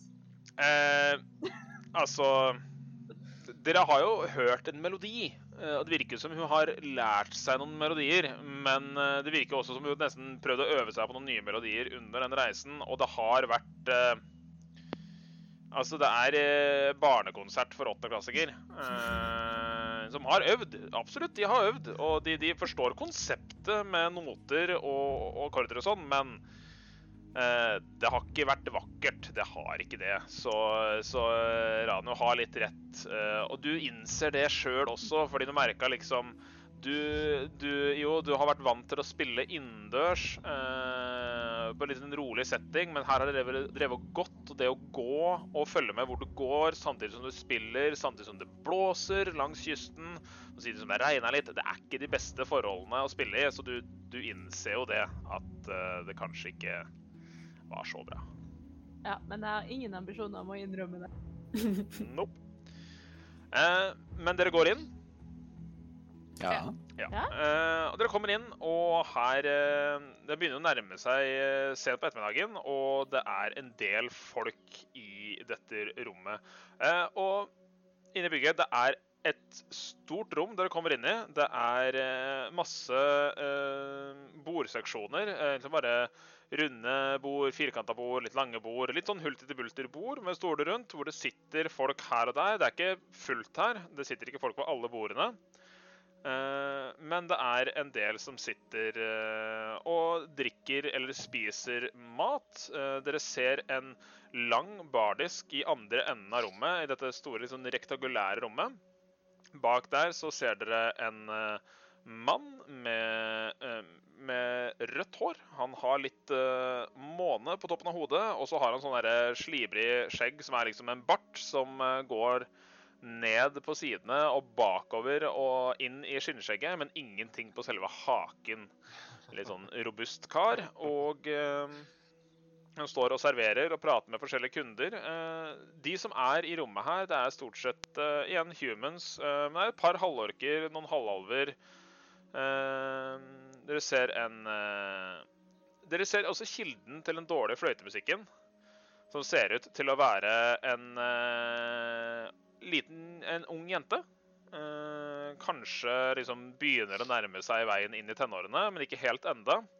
Som står oppe på en liten sånn makeshift scene. Egentlig bare at gulvet er bygd litt opp i den ene enden av rommet, hvor hun sitter eh, og prøver å underholde gjestene med, med fløytemusikken sin. Spiller på en vanlig trefløyte. Eh, ikke liksom blokkfløytestil, men sånn sidefløyte, eh, hva det kalles. Eh, Eh, Tverrfløyte. Tverrfløyte. Takk. Eh, dere ser eh, også i venstre del av rommet så er det en gang som går litt videre innover i bygget. Men også langs med veggen så er det flere båser eh, hvor du har eh, sånn eh, ja, benker på hver side og eh, eh, bord imellom, og litt mer privatliv fra bås til bås. da. Det sitter eh, noen i, i båsene, men ikke i alle. Eh, dere merker også en liten gutt. En, en liten tiefling. Eh, en tiefling er jo da en halvdjevel, eller en humanoid skapning som har djevelske aner tilbake i, i slekten sin. Eller er en halvdjevel, som er altså noen som har hatt eh, paringsforhold med en djevel på et eller annet tidspunkt. Eh, eller lignende. Og det er ikke mange av dem i verden, men det er ikke et sånt helt ukjent syn heller.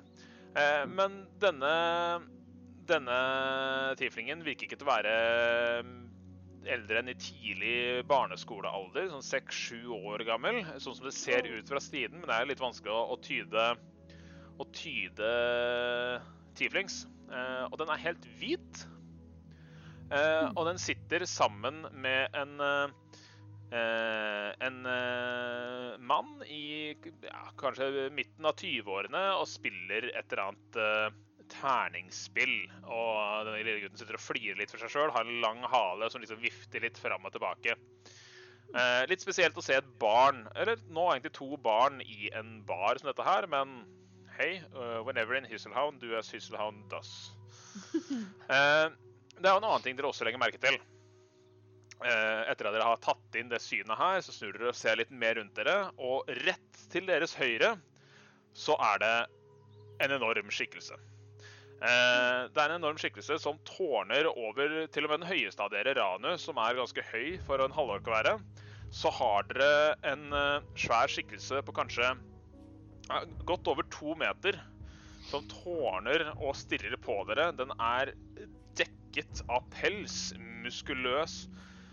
Eh, store kuhorn som stikker ut av hodet, og en snuteaktig ansikt der det står en minotaur og stirrer på dere. Eh, pelsen kler også nedover lårene og i litt sånn flerledda bein som går ned i store hover som står i, i bakken. Og den står litt sånn henslengt eh, inntil en en et lite gjerde som virker å være liksom reservert for denne minotauren. Og ved siden av minotauren så er det en gigantisk øks, stridsøks, med liksom pigger overalt som sånn fryktinngytende våpen som han holder rolig på idet han stirrer på dere nyankomne med gule øyne og står og ser på dere.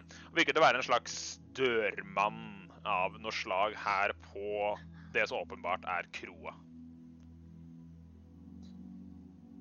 Jeg går rett opp til han. Eh, du går rett opp til eh, denne minotauren, og du må virkelig bikke hodet bakover for å kunne se opp i ansiktet på den. Og den her tårner over deg, er gode fire ganger høyden din. Um, og du merker altså allerede når du nærmer deg, så får du den der litt sånn animalske lukten av musk, eller sånn derre moskuslukten uh, fra, fra denne svære tingen. Du kan se den lange kuhalen vifter ut bak. Og han er ikke naken på noen måte. Han har et, litt sånn, et eh, ikke et lendeklede, men et slags uh, stridsskjørt uh, av noe slag. Eller noen korte bukser. Det er litt vanskelig å se. Og han, har, han har, er dekket i en lærrustning, og han kan se flere steder i pelsen at den bærer merker av å ha vært i strid, hvor det er liksom flere steder hvor det liksom gjør at, at pelsen ikke gror like godt. Og den bøyer hodet sitt og går litt sånn litt ned på huk og stirrer ned på deg og puster sånn. Kan jeg, kan jeg bare si at jeg elsker fenomenet stridsskjørt? Det. Stridsskjørt er veldig kult, bare se til Skottland. Eh, du, eh, min gode eh, ja, fyr. Hei, du. Eh, kunne du eh, Og så går jeg inn i lommen ved venstre eh, bryst og tar opp en, et, noe som ser ut som et syltetøyglass. Og så eh, Kunne du spyttet oppi denne?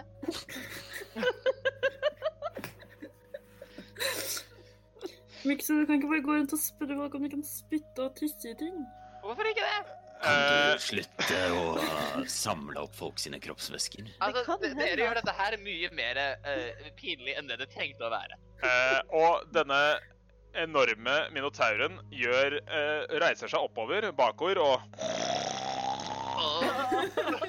og bøyer seg ned. Og med en kraft som du ikke har opplevd før, så spytter han en svær klyse, ikke glasset, men rett i ansiktet på deg.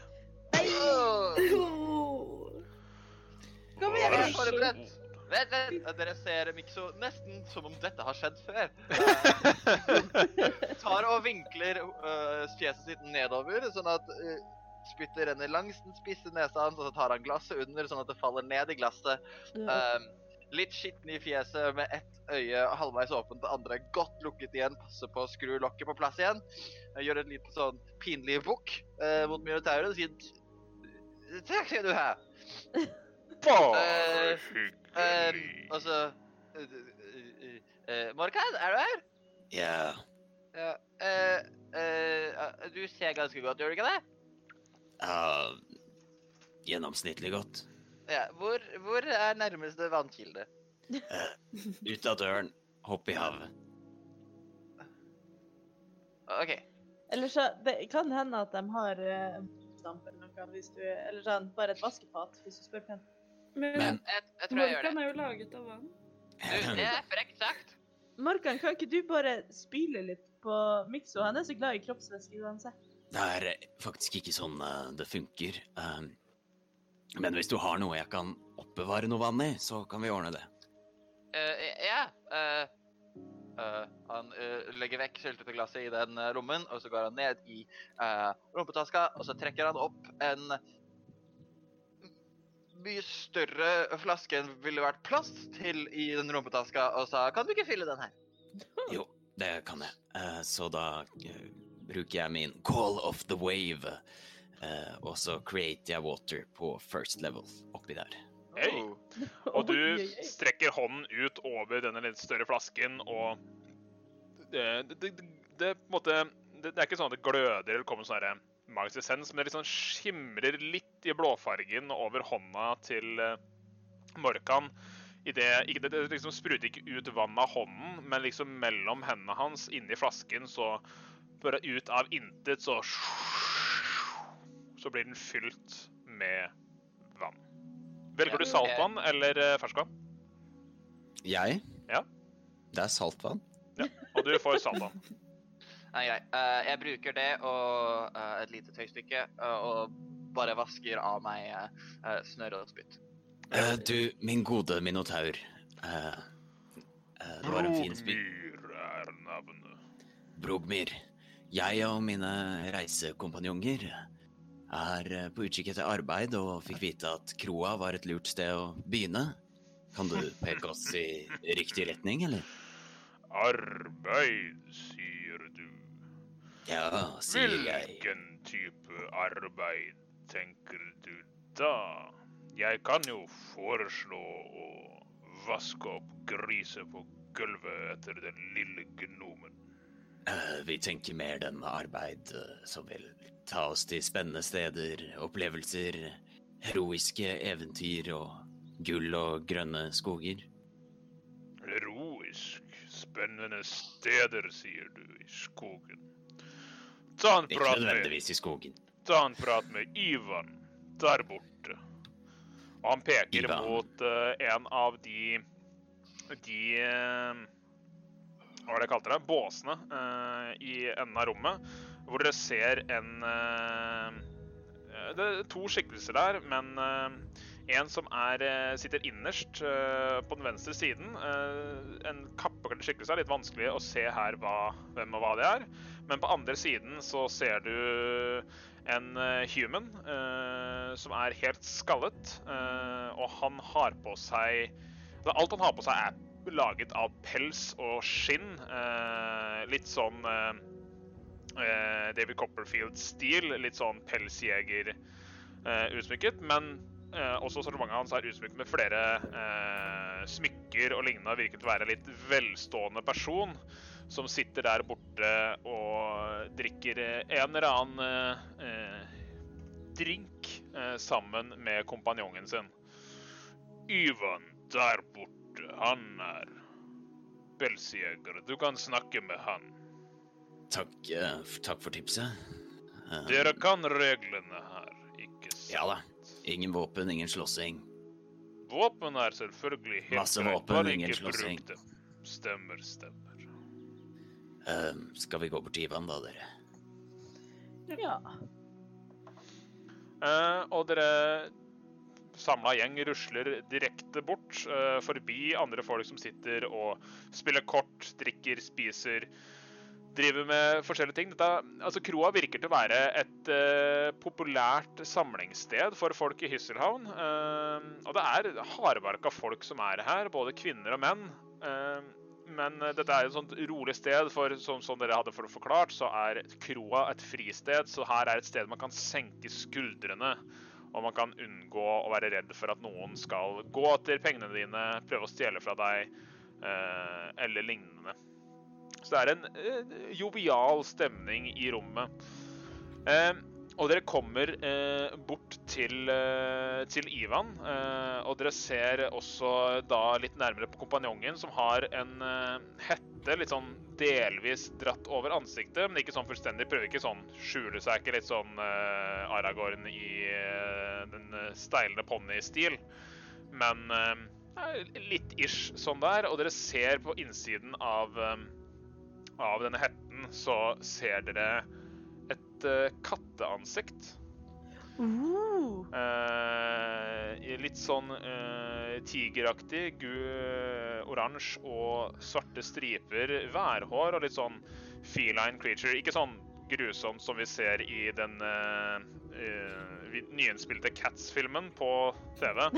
Litt mer, uh, mer fantasy-preget og dette er da kjent som en tabaxi, uh, som er humanoid, eller humanoide kattefolk i Dungeons and Dragons, som ser bort på dere, og denne menneskelige mannen, Ivan, snur seg imot dere idet dere alle, sammen, alle fire eh, legger mer merke til eh, Ranu og eh, Morkan, eh, og deretter eh, Io, mens Mikso havner litt sånn i bakgrunnen i og med at han ikke er høy nok til å komme over bordkanten liksom fra perspektivet til Ivan. Eh, han snur seg mot dere. Ja, og hva kan jeg hjelpe dere med? Hei, hei. Um... Hei, er det du som er Ivan? Ja, det stemmer. Jeg er Ivan.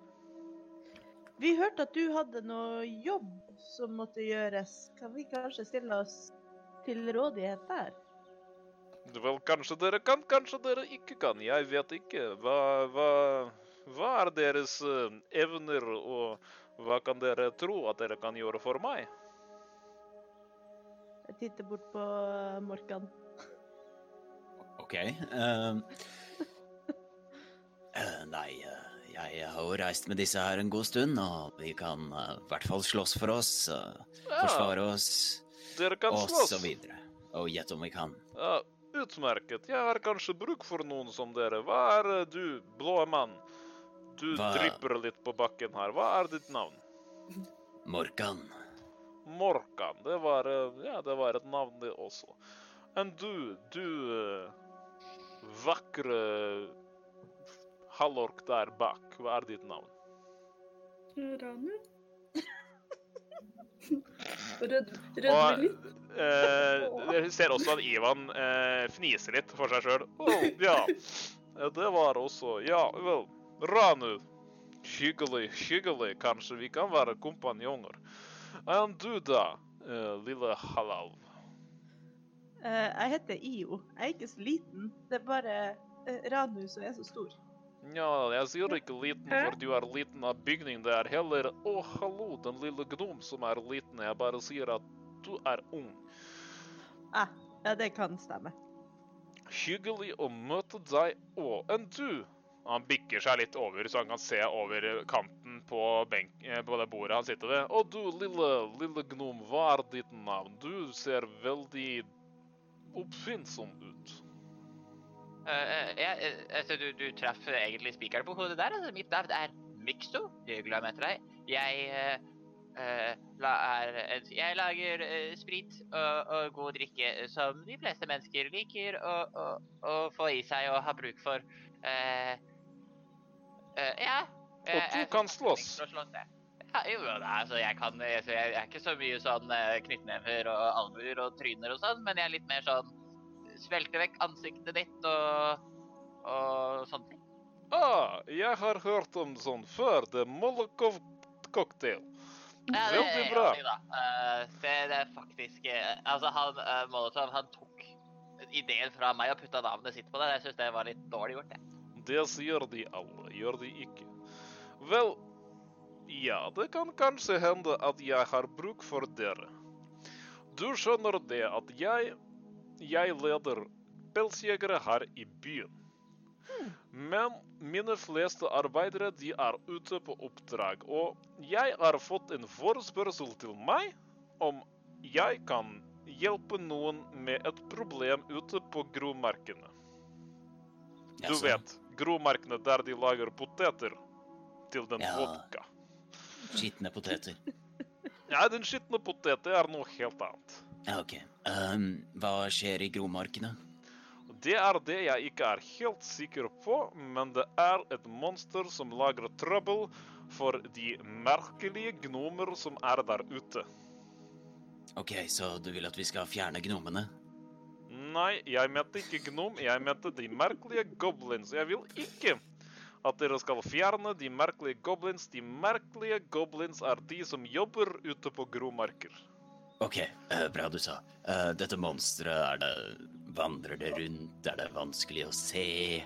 Kommer det bare fram om morgenen? Eh, Hvis du hadde hørt etter på det jeg sa for fem sekunder siden, så hadde du visst at jeg ikke vet. Ja, Men men, jeg ble jeg så har- fokusert på disse gnomene, skjønner du. Beklager. Det er ikke gnomer, det er goblins. De kalles Avbryter du på meg? Ja, hva er det du lurer på? Du Nei, er jeg en skulle gnom. bare si til han derre evneveike vannfyren her Jeg er en gnom, Ja. Okay? Og de er merkelige goblins De merkelige goblins de er annerledes. De er høye sånn som den halvalv. Noen er små som den gnom, og noen er store som vel den halvork. La meg si, dere må snakke med den som snakket med meg. Dere må snakke med Rinn.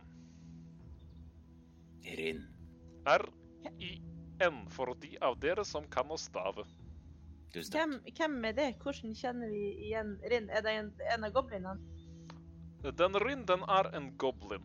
En, Ja. en rar goblin. De er, de er verdan. Jeg vet ikke dere har sett før. Uansett, hun er i bolig i norddel av byen. Bare spør de andre rare goblin, og dere finner Rinn. Hun vet, hun snakker med meg, betaler for meg, jeg betaler dere. Dere fikser monster. Ja? Uh, ringer Verdan en bjelle?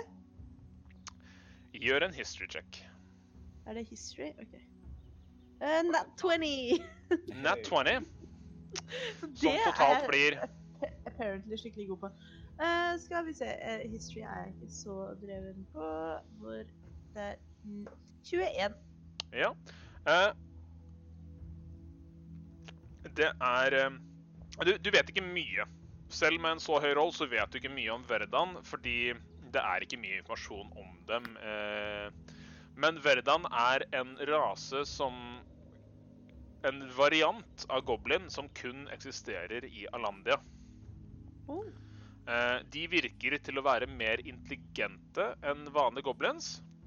Og du vet at de er veldig Altså, de er definitivt goblinoids. Men de er veldig varierende i hvordan de ser ut. De kan være høye, små, tykke, tynne, eh, alt ettersom dietten deres. Men de har også forskjellige farger, og er, det er liksom en sånn konstant endring, da. Men de havner alle under liksom samme kategorien som Verdan. Er det du vet? Ja. OK. Så, hvis dere fikser dette monsterproblemet ute i markene for meg, la oss si kort tid, dere kan få mm, La oss si 40 gullmynter hvis dere fikser raskt. Ja. Hva legger du i raskt? Ja, jeg vil ha ferdig innen i morgen kveld. La oss si ja. Hvis senere, bare 20 gull. Ja, det høres jo ut som en uh, avtale. En grei avtale, det. Hvis det viser seg at jobben er vanskeligere enn først antatt, eh, så eh, er det mulig å kanskje få ordna 40 gull selv om det går utover tida. Selvfølgelig ikke. Om det er vanskeligere eller ikke, det er ikke mitt problem. Det er kun mitt problem hvis jeg må hyre noen andre. Skjønner? Ja, OK. Så hvis det er en drage, så er det fortsatt bare 40 gull? Jeg tror jeg hadde hørt om det hvis det var en drage utenfor byen. Ja, Okay. jeg vet det heter drager. Eller det het Dragebukta, men jeg har ikke sett noen drage her. Noensinne. ok. Ok, men eh, Vi kan sikkert være med på det. Du, Jeg bare har et spørsmål. Hvis vi finner noe uh, Vi kan være med på Var det 40 gull totalt? du sa? Totalt, ja. Totalt. Det er veldig Men bra da- pris. Jeg er veldig gavmild. Da, ja, men da tar vi bare med oss alt av skatter som vi finner på veien, da. Skatter midt i en dyrket åker. Lykke til med det. Men du må ikke si det. Vel, man kan jo si at den, den, den potet er en liten skatt i seg selv. Mm, tenk om jeg bare tar alle sammen og selger dem sjøl? Hvem vet? Ja, det må du bare gjøre. Lykke til med det. Da kommer rødarmene og Hyssel etter deg, og viksvaks, jeg trenger ikke betale deg, så det er perfekt. Ja, nei, men Nå er vi enige om at alle skattene på veien så får vi tak i, så det er jo bare fint. Lykke til med det, lille gnom. OK. eh, raskeste veien til Rinn. Hun var på nordsiden, var det det du sa? Hun er i de goblins bolig nord i byen, litt utenfor borte ved hallen. Lett å kjenne igjen. Skal vi spørre etter henne? Hun er eh, kjent som vel, ja, senior, seniorleder. Jeg vet ikke helt hvordan de fungerer. Så okay. den goblin Rin Nei, jo, den goblin, den er eh, Dere finner, jeg tror ja. Tusen takk. Skal vi ta og få oss noe mat først, før vi stikker ut? Er det sånn middagstid-ish? Eller kanskje ikke så sent, men Klokken er vel kanskje fire, siden nå er rundt to i sted. Den eh, var litt eh, Eller, nei, sorry. eh, den var litt sånn to-tre-tiden da dere så kom inn til Hysland for første gang. Og dere brukte litt tid på å bli kjent i byen og finne rom. så den er vel sånn i seks-tiden nå. Men da arbeider vi jo faktisk med en tidsfrist, så vi har kanskje ikke tid til å spise, bruke så mye tid på å spise. Ingen fungerer på tomat. Jeg må også gjøre klar denne greia her. Jeg tror eh, vi kan ha det veldig mye gøy med det. Kan vi ikke bare ta oss en halvtime her før vi drar ut? da? Jo, okay. jeg syns det. Vi, jo fått, vi får jo mat av uh, pyramiden, da.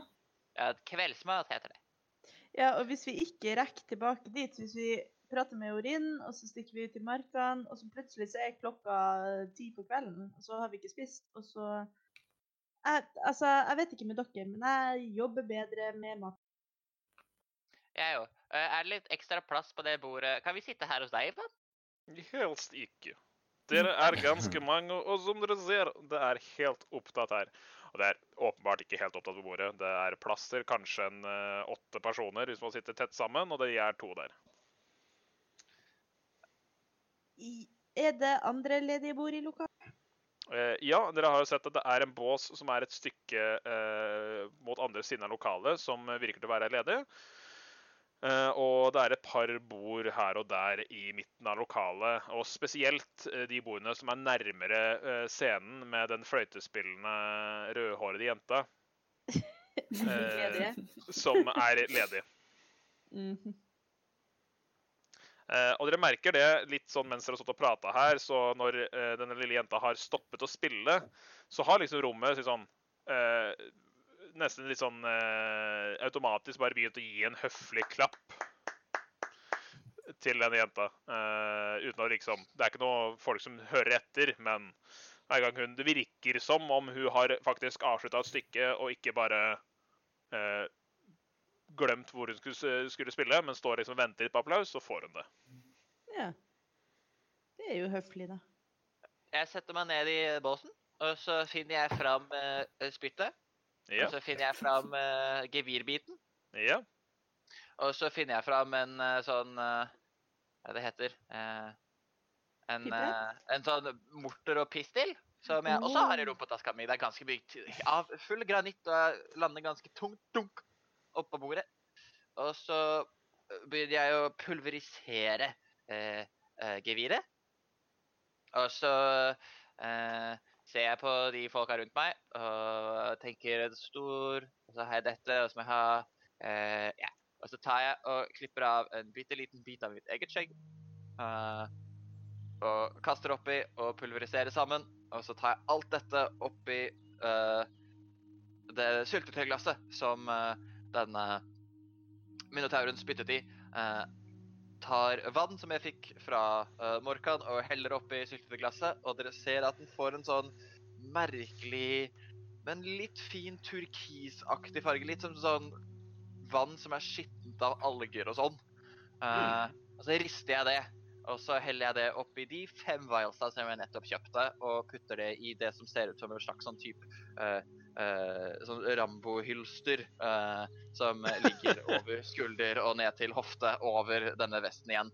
Uh, eller festet på vesten. Setter det på plass. Og uh, syltetøyglasset er tomt igjen. Jeg skyller ut av det og putter det tilbake igjen i den lomma som jeg hadde den i. Hva har du lagd nå, Mikso? Vet du hva, Det håper jeg dere får se etterpå. altså. Ja, det håper jeg òg. Det så spennende ut. Jeg har kjøpt meg en gryterett. Ja, øh, og jeg kan si at dere raskt øh, får, øh, får kjøpt dere noen måltider her. En simpel gryterett fra, fra denne mannen som Eller bartenderen som står bak disken, og etter hvert så kommer det en dame gående ut og serverer dere, og hun er litt sånn Eh, også rødt hår. eh, stramme hest... eh, eh, sånne Ikke hestehaler, men uh, fletta hår. Ikke musefletter, men sånne i sånn sirkel eh, rundt ørene. Ikke eh, Star Wars-stil, men litt mer sånn Ah. Der Deutsche Frau. Eh, stil. Og hun er en sånn robust, eh, tøff dame eh, som raskt og enkelt serverer eh, til dere. Og det koster dere én sølv hver for eh, dette måltidet. Det var dyrt. Jepp. Ja, fordi jeg egentlig Ja, jeg orka ikke regne på det. Sorry. Mm. Dere får med litt alkohol av Eller annen drikke ut ifra hva dere ønsker til det. Eh, og dere får spist dere et måltid her på kroa og føler dere uthvilte og klare. Hva skal dere gjøre? Nei, det er jo nordsiden av byen. Goblin-stedet. Goblin ja. Eh, og dere reiser dere opp eh, fra båsen. Eh, la bare ting stående igjen, og det blir nok ryddet bort etter hvert. Beveger dere ut av kroa igjen og eh, vender nesene nordover i byen, hvor dere må gå litt opp igjen eh, vestover før dere kommer eh, til veien som drar nordover. Og da dere er på vei for å lete etter denne merkelige goblinen som heter Rinn, på oppdrag fra pelsjegeren Ivan, så tenker jeg at vi avslutter første episode av eh, karantenetimen der. Eh, det ble en god og lang episode, og så til våre lyttere, vi håper på å få produsert litt oftere og litt mer enn til vanlig i eh, karantenetimen, og slik at dere har noe å høre på nå som dere bør holde dere hjemme. Det var da første episode av Karantenetimen, en slags pilotepisode for det som kommer. Fortsettelsen av Karantenetimen vil livestreames på Twitch, og episoden vil komme ut på YouTube og som vanlig på podkast onsdagen uken etter stream. Vi ses der.